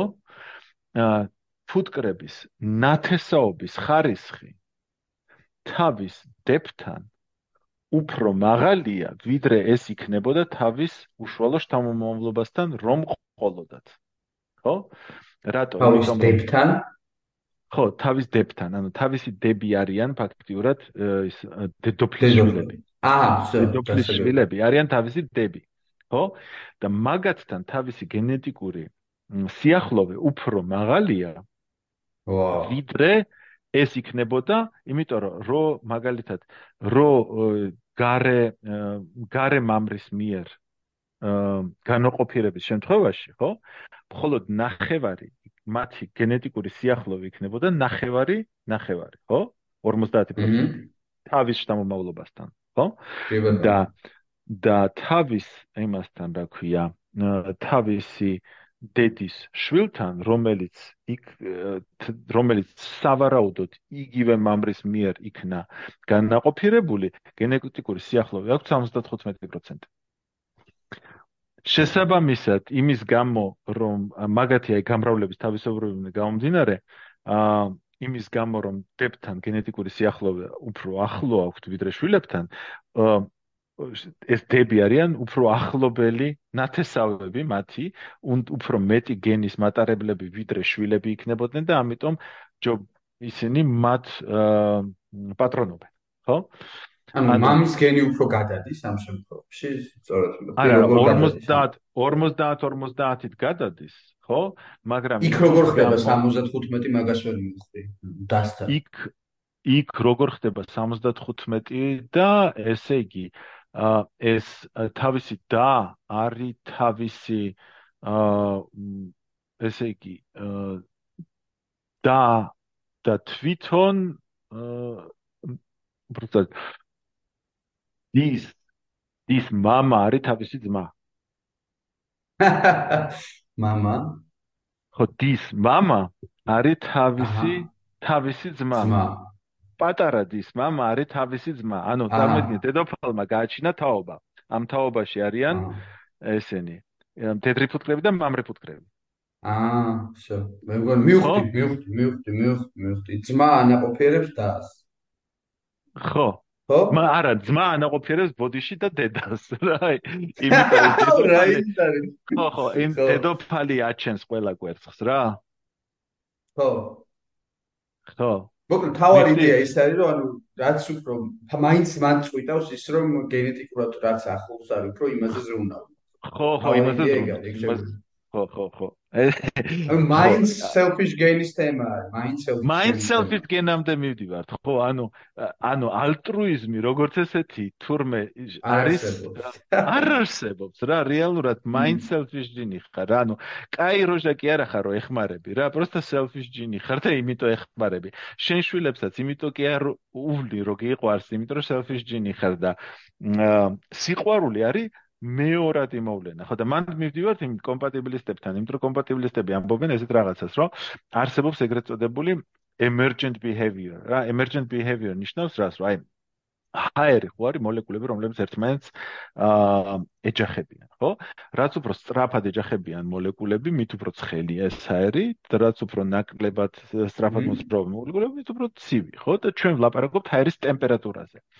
ხო და რეალურად ჰაერის ტემპერატურა არ არსებობს.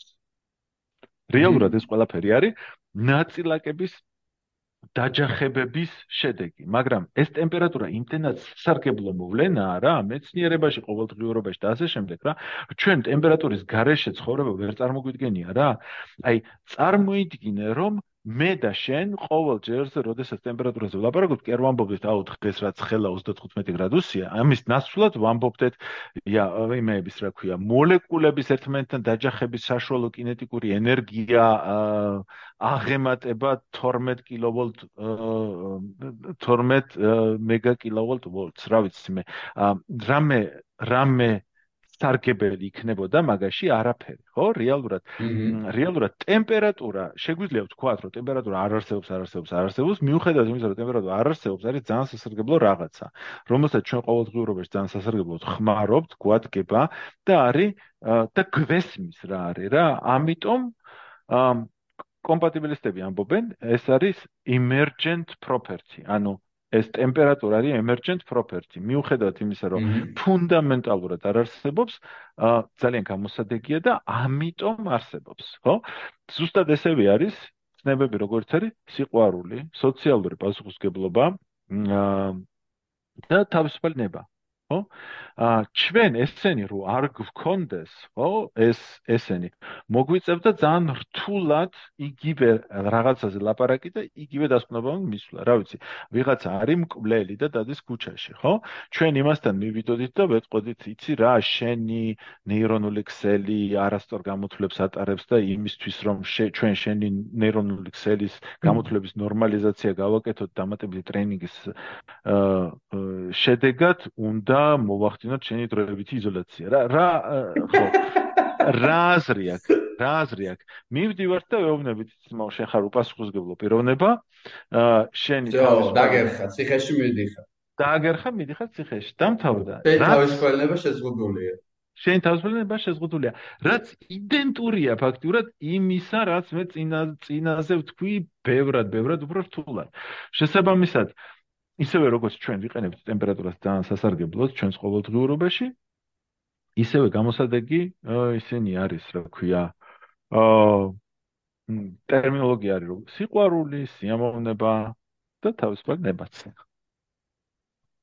ხო, ანუ რეალურად ეხლა რაც ვთქვათ, გამარტივება, გამარტივებას ვახდენთ ამ დეფინიციებით, ხო, რეალურად ამ ყველაფერს. და ზოგადად მე მგონი სამყაროს გამარტივებითაც ვართ და გავაგული. მიუხედავად იმისა, რომ მეცნიერებაში ყველაფერი შემოვიდა, ეს ყველაფერი მაინც ახდენს რაღაც დონეზე გამარტივებას, რა უშეულია თქვა თვითონაც. კი, კი, აი მანდ მივიდეთ და იგივე irreducible computational complexity სამოცანასთან რა, ანუ ამისი სრულად აღქმა და სრულად გააზრება მთელი თავისი სირთულით იმდენად ძნელია, რომ შენ ვალდებული ხარ პირდაპირ იძულებული ხარ შექმნა გამარტივებული მოდელები და მოახდენო რედუქცია ამ მოდელებზე და ამ მოდელებით იფიქრო და ამ მოდელებით მიხვიდა სასარგებლო გადაწყვეტილებამ გადაწყვეტილებებამდე ხო? ეგ არის რეალურად hard სინამდვილეში ისინი რა ქვია hard deterministები და კომპატიბილისტები ხო?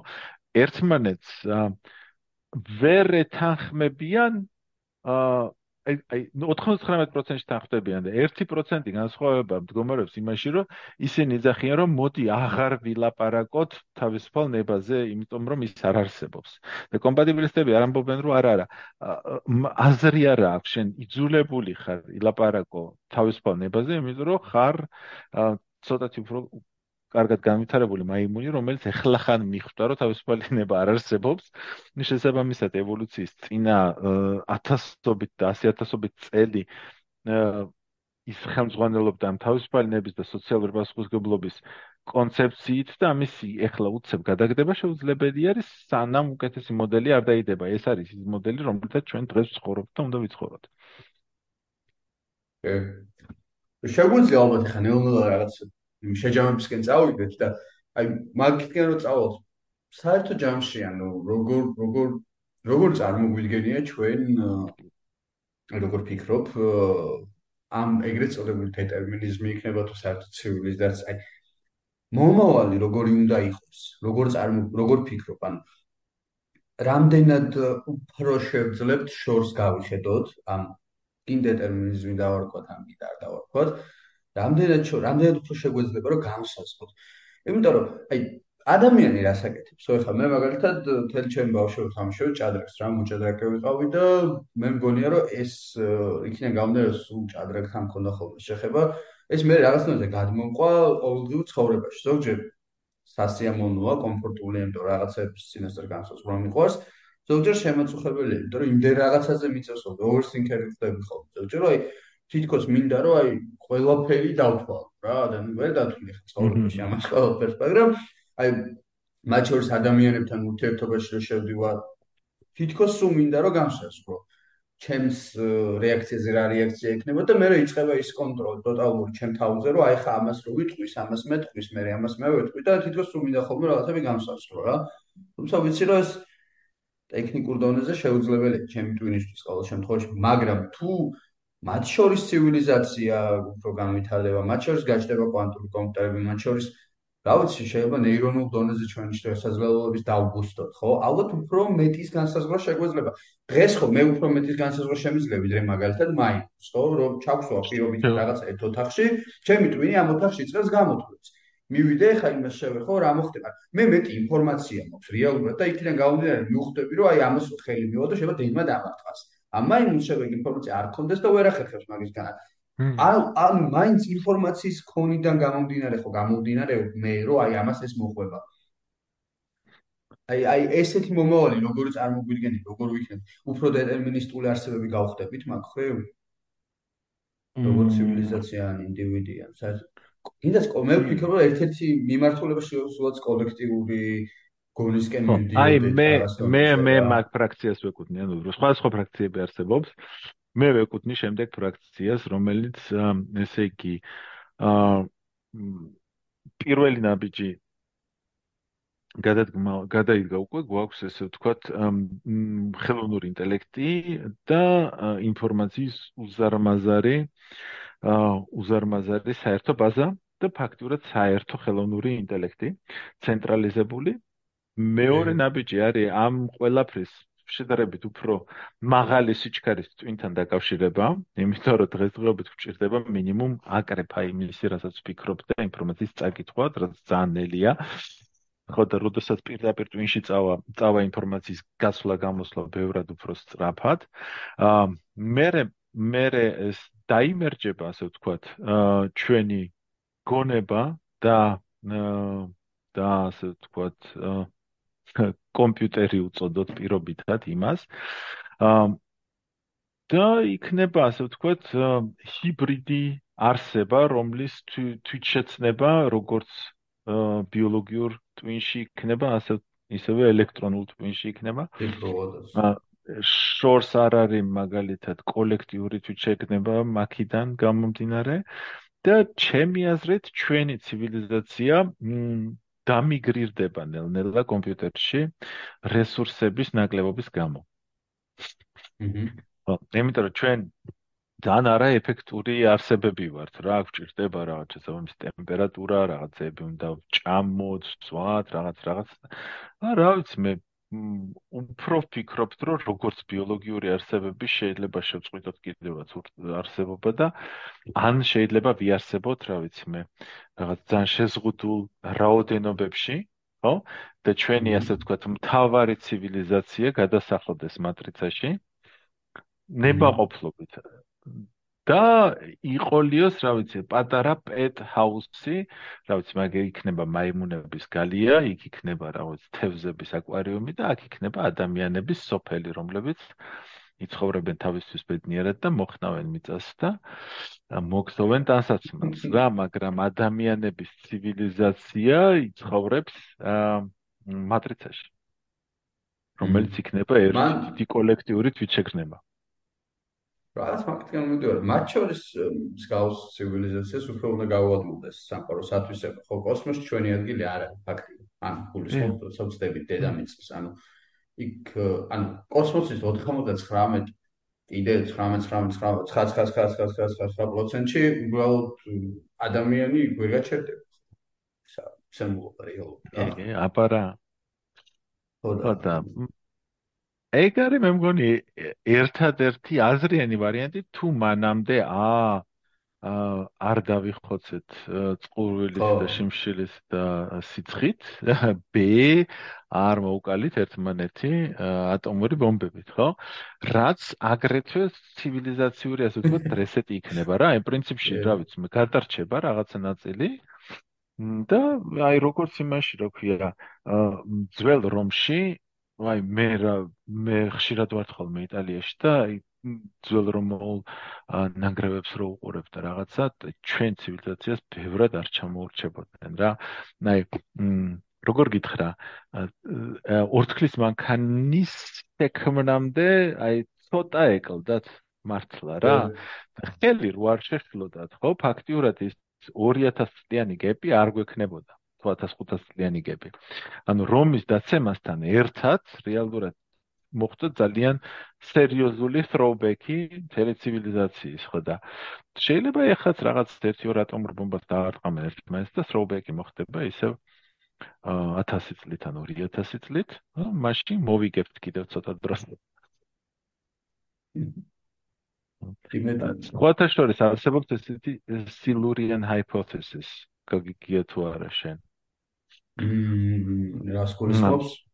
ხო, ეს იდეა რა შემდგომარეობს ცილურიან ჰაიპოთეზის, რომ დედამიწა იმდენი 600 მილიარდი ლის არის რა და ადამიანური ცივილიზაცია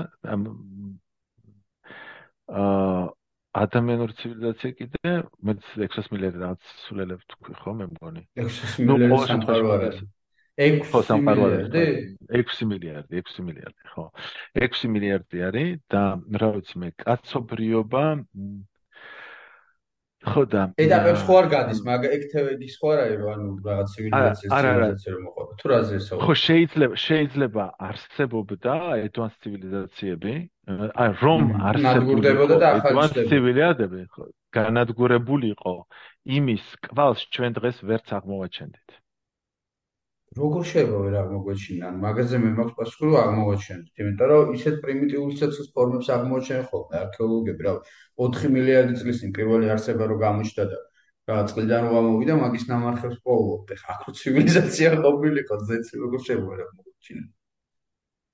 ხო, აი აი მეც მეც ეხა დავეჭვდი, იმიტომ რომ თლად ბოლომდე ეგ არ ამაქვს გავლილი, დაინტერესდი მაშინ აი სილურიან ჰაიპოთეზის რა, ეგეთი ჰიპოთეზით. მოკლედ, იდეა იმაში მდგომარეობს, რომ იმდენი დრო არის გამოვლილი რა, რომ იმდენი დრო არის გამოვლილი პლანეტაზე, რომ სავარაუდ შეიძლება არსებულიყო ცივილიზაციები თუ ისინი თუ იმათმა მაგალითად ნუკლეარ ფიუჟენი არ აღმოაჩინეს, ხო? მაშინ მათი კვალი დღემდეც არ იქნებოდაო. ხო მაგრამ მან საიდან მივედით? მან მივედით იქიდან რომ ხო შეიძლება ადამიან კაცობრიობა უბრალოდ გონიერი არსება ესე ციკლებში დადის რა ნადგურდება ხელახლა იქნება ნადგურდება ხელახლა იქნება. შეიძლება არ არის გამორიცხული. აა შეიძლება ეგ არის ჩვენი მომავალი ესეთი ციკლი შეიძლება ჩვენი მომავალი არის throwback-ი და მეორე წინ მეორე throwback-ი ისევ წინ შეიძლება უბრალოდ გავნადგურდებით და მორჩაეგ და თუ კიდე წინ წავედით და არ გავნადგურდით, მაშინ ერთადერთი გამოსავალი არის მატრიცაში გადასახლება და აა რაღაც პატარა მუზეუმის მუზეუმად კაცობრიობის შემონარჩუნება აა დედამიწაზე. ხო, შეიძლება. არ ვიცი. მანდ არის ძალიან საინტერესო მომენტი ერთი, რომ საერთო ჯამში მაინც იქ მივდივართ, რომ სადაც არ უნდა ვიყოთ, რაში არ უნდა ვიყოთ, ვის არ უნდა ვიყოთ, რაღაცები ცნობთ. ილუზია ეს თუ არა, როგორც აიფე ეთქო და საჭმელი გემრიელიას და იქ გემრიელიაო რა. აჰა. ალბათ მანდوار და მათ შორის კიდე ცხამ თემაზე რომ საუბრვის უყვარს ესეთ რაღაცებზე ფიქრის ზოგადად. ჩემთვის ერთ-ერთი საყვარელი საქმიანობა ესეთ თემებზე ფიქრი მიუხედავად იმისა, რომ არ ვარ იმ ილუზიით შეპყრობილი, ხა მე როგორც ინდივიდი ავდგები და რაღაცა სამყარო საიდუმლო სამოხსნი იმ გაგებით რა გაგებითაც გინდაც აი ეს როდესაც ჰიჩაიკერში რო არის 42 ხო? მე მე საერთოდ ესეც ვფიქრობ რომ საერთოდ სულ რო ზე ცივილიზაციასთან დავამყარო კომუნიკაცია მე რომც მითხრან მართლა სამყაროს აზრი რა არის რა არის არაფერი ან უსასრულობა ჩემს 42 იქნება. რომ არ მგონია რომ ჩემ სახეობას ამ ჩვენ ამ შემთხვევაში ის ის ევოლუცია გაიარა რომ ხა მე ავდგე და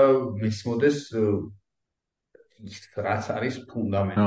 რა ახლა შეიძლება იმ დონეზე შეზღუდულები ვიყოთ გონებრივად რომ ზუსტად აი ესე ადგეთ და ხო 42 რა ხა მე მაინუს ვერ აუხსნი რატომ აქვს ლეპტოპი რატომ აქვს ახში ტელევიზორი. ხო ჩავთავ და ნუ რა ვიცი ნუ იმან შეიძლება იგზოს ხმა მოდიოდეს იქიდან რაღაცა ყურადღება კი მიიქცევს მაგრამ ნუ ვერასდროს ვერ აუხსნი უბრალოდ. რაღაცას აუხსნი რაღაცას ვერ აუხსნი და რატომ უნდა მეგონოს რომ მე ხა ისეთი ევოლუცია განიცადა ჩემო სახეობამ რომ აი ყველაფერს ამიხსნიან რა რომც მოვიდნენ და მოუნდათ რომ ამიხსნა. ხო მაგ ილუზიაში არ ვარ. მათ შორის ვერაფერს ვერ აღიხსნიან ვერც ვერა საერთოდ ვერაფერს აი 42 სწორად თქვი შენ შენ ყველაფერი 42 იქნება. ნილ დეგრას ტრაისონო მოყვავის წინ ეს იმას თიმიზე ხო იცი ეგ რა ანუ ჩვენი ჩვენი აა ველას წარმოიდგინეთ რომ გეპი, აი იმის კოგნიტიური გეპი ჩვენსა და ყველაზე ჭკვიან შიმპანზეს შორის, ანუ ყველაზე ჭკვიან შიმპანზეს რაც შეუძლია, შეუძლია ჩვენს იმას რა ქვია, ბავშვს 5 წლის ბავშვს, 4-5 წლის ბავშვს. მეტიც კიდე. ხო და ჩვენსა და შიმპანზეს შორის დნმ-ში არის განსხვავება 1%. მეტი 1%-ზე ნაკლები ბევრად და ეხლა წარმოიდგინეთ ჩვენზე და ევოლუციაში არის რამოდენიმე 10000 წელი. წარმოიდგინეთ უცხო პლანეტელი, რომელიც, რა ვიცი მე, 10000 წლით გვისტრებს ჩვენს ევოლუციაში, მხოლოდ რაღაც 10000 წლით გვისტრებს და 1%-ით უკეთესი დნმ აქვს რა. ესე იგი, ჩვენ რო სტივენ ჰოკინგი გამოვაგოროთ, რომელიც თავში ასტროფიზიკურ გამოთვლებს ატარებს, ხო? ის იქნება რაც პირველ კლასელი უცხო პლანეტელის დონეზე. ხო. ზუსტად, ზუსტად. თუ ვერაფერს ვერ აუხსნიან სტივენ ჰოკინგსაც ვერაფერს ვერ აუხსნიან სტივენ ჰოკინგს ხო ხო და ამიტომ ჩვენ თვითონ და მივხვდეთ რაღაცას და ჩვენ თვითონ და ვიკაიფოთ თორე. გარედან მარტო 42-ს გავიგებთ.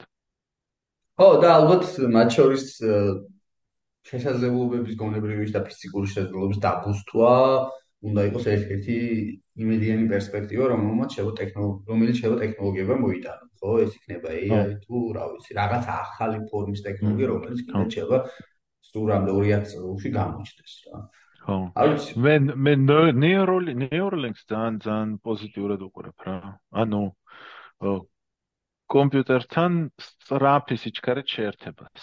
აა რაღაც მომენტში იქნება ეგ აუცილებლად. გარდაუვალი იქნება ეგ საავარაუდოდ გარდაუვალი იქნება და ანუ ისიც არის რომ ეხლა ჩვენ ცივილიზაციას ჩვენნაირ არსებობს რა მაგახშიათ ვამბობ ხოლმე ჩვენი შესაძლებლობა ანუ ჩვენ რა ხო ა რეფლექსურები ვარ ძალიან. ანუ მე რაღაც ისეთ რაღაცას შეიძლება გამოვიდე მდგომარეობიდან რომ საშიში გავხდე. ანუ რაზეც კიდევ საუბრობ სულ ახლა მომავალს მე რაღაც ეტაპზე შეიძლება ნებისმიერ ინდივიდი გახდეს საშიში ხო და ესეთი მოთხრობა არის თუ არ მეხსება ჰაინლაინის ანარტუ პოაკის არის რა რა პატარა მოთხრობა სულ სამგვერდიანი და ორი კაცი რა კამათობს ატომურ შეიარაღებას ერთი ამბობს რომ უნდა კონდეს კაცობრიობასა მეორე ამბობს რომ არ უნდა კონდესო და მე ეს ერთი ერთი გადის რომელიც ამბობდა რომ არ უნდა კონდესო და ოთახიდან გადის და უცებ ოთახში ბრუნდება ბავშვი სამი წლის თუ რაღაც. მოინდა ბავშვს ბავშვს ჭირავს ხელში იარაღი.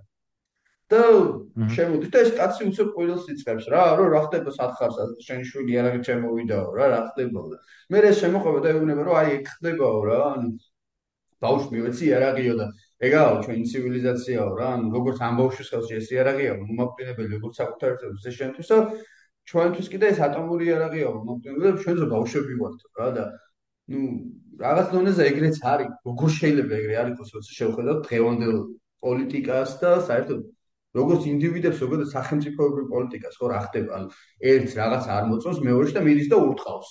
ანუ მე საერთოდ რაზე ესაუბარი ანუ ეს არის ზუსტად პრიმატული იმის გაგზელება ხო? ანუ რაღაცა არ მოეწონა ერთს ეს ჩემია ეუბნება ეს მეორე არა ჩემია და ის ურტყავს იმას უკვე და ამას საზოგადოებები ანუ ჩვეულებრივ ვიღებთ და ან გვაქვს ომის კანონი, ანუ ერთი რო უტყავს მეორეს, ჩვენ გვაქვს კანონი, რომ აი ესე უტყი იმას, ისე არ უტყა, ანუ ეგეც კი პროგრესია, ხო, რაღაც დონეზე ომის კანონი რო გვაქვს, მაგრამ მაინც ანუ აბსურდია და რა ვიცი, მოკლედ დავიტოვოთ ალბათ იმედი, რომ რაღაცა ცოტა უკეთეს სახეობა ჩვენთან გადავიქცევით და ასაც კლუბში მინდა ერთი ურჩიო, ხო, ჩვენ სვენელს მინდა მაყურებელს ურჩიო ერთი სერი არ თუ გავს ნახე დეუსი ესე ქვია, იმ ინტერვიუს გამოსმა და დევს არ გახსენთ.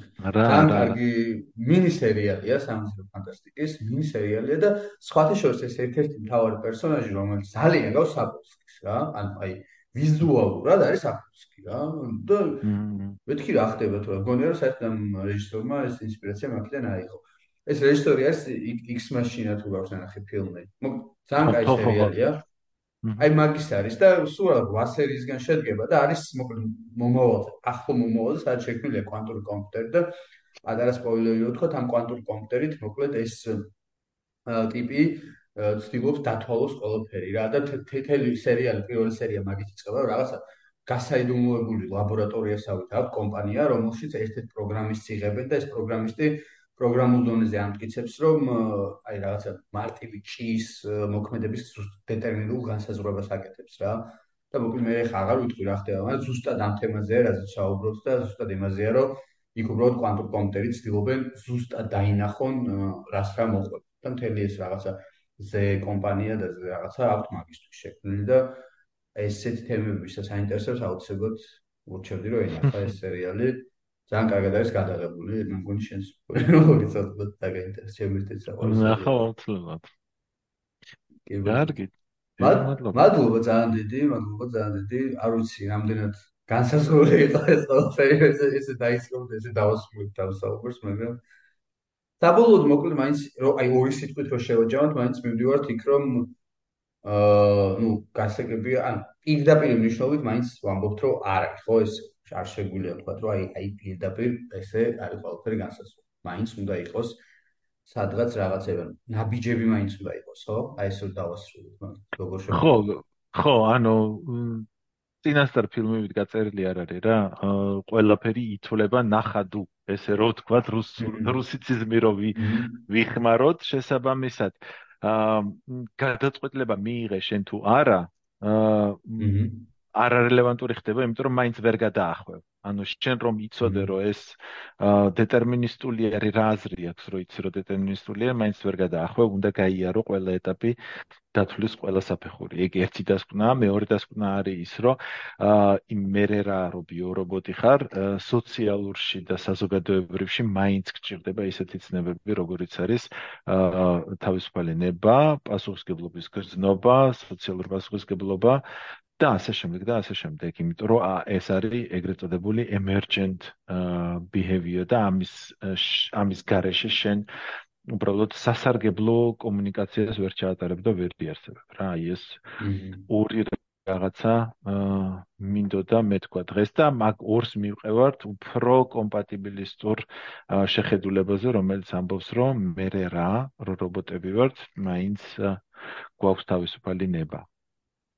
კი ბატონო. აი სხვა შორის ნოა ჰარართან არის მონგონა ჰობდეუში აქვს ზუსტად ეგ მომენტი, რომ კი, ყველაფერი გასაგებია ვამბობს, მაგრამ როდესაც ვითარდება, ესე ვთქვათ, AI და ისეთი ტექნოლოგიები, ალგორითმები, კიდევ და უფრო და უფრო მიგვახვედრებენ აქ ამბობს, რომ ძალიან მაინც განსაზღვრული განსაზღვრული არსებები ვართ, ან განსაზღვრადი არსებები ვართ და შეიძლება მომავალშიო ამის манипулირება შეძლოს ამ მსგავსმა ალგორითმებმა და ამის მაგალითებია გინ სოციალური ქსელები, გინ ის რომ მაგალითად როგორც კი შენს ტვინში რაღაც აზრი გაიგებს რომ იცი რა კურსასმენი ხო არ მეყიდა ერთხელ რომ დაგუგლო მე ამ შენი აზრის ყვეხდები და სულ რა აგინოდეს ამ კურსასმენის შეძენა იმდენ options გთავაზობს ალგორითმის Google-ის იქნება თუ ნებისმიერ სხვა სოციალური ქსელის რომ ვეღარ გამოდიხარ ამ შენივე წარმოებული ერთი აზრის შეიძლება ჩახვეულ დონეზე თქვა იყო იმიტომ რომ ის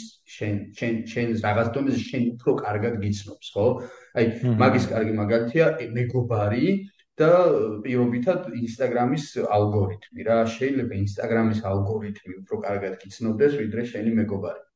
იმიტომ რომ როგორც კი შენს რილსებს ან რაღაც ნიუსში ჩამოსკროლავ უფრო მიხვდები ვინ ხარ ვიდრე შენმა მეგობარმა დაგახასიათოს, იმიტომ რომ შენ დრეკილებებს ის უფრო კარგად ისნობს და ამ შენს მიდრეკილებებში რაღაც თონზე უფრო გატრიალებს და გატრიალებს. არ ვიცი. ხო. ხო, ხო.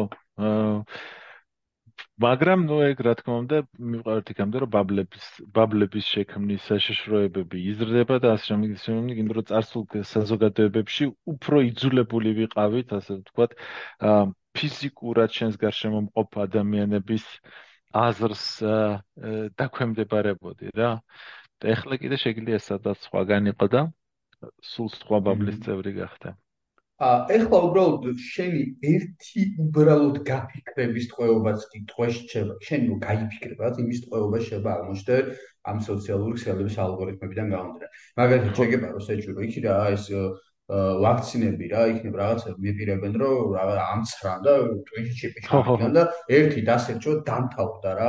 ყველგან მაგას გიგდებს ჯგუფებს გიგდებს შესაბამის რილსებს გიგდებს შესაბამის სტატუსებს გიგდებს და შე გონია რომ სამყარო ეგრე ფიქრობს. და ესე შე რა უეჭველი მართლა ვიღაცამ ჩიპი უნდა ჩამიყენოს თავ შენს ეგ დასმა გამოგვიქს რა. შენი სოციუმი ხდება ეს ალგორითმი რომელიც სინამდვილეს მორგებულია იმაზე რომ ვითომ შენ ოკეი, შენ საინტერესო ინფორმაცია მოგაწოდოს. მაგრამ შეიძლება პარანოიაში გადაგიყვანოს. ხო, ხო. კარგი, მადლობა, მოკლედ ძალიან დიდი. არაფერს, არაფერს. ისე ნო. მადლობა. შეხვედრა იყო. კი, ნამდვილად. ნამდვილად, ნამდვილად. მადლობა სვენდელსაც, რომ მოგვისმინეთ ჩვენთან ერთად. დოქტორით მომავალში, რომელიც იმედიან თქვა ბოლომდე დეტერმინირებული არ არის.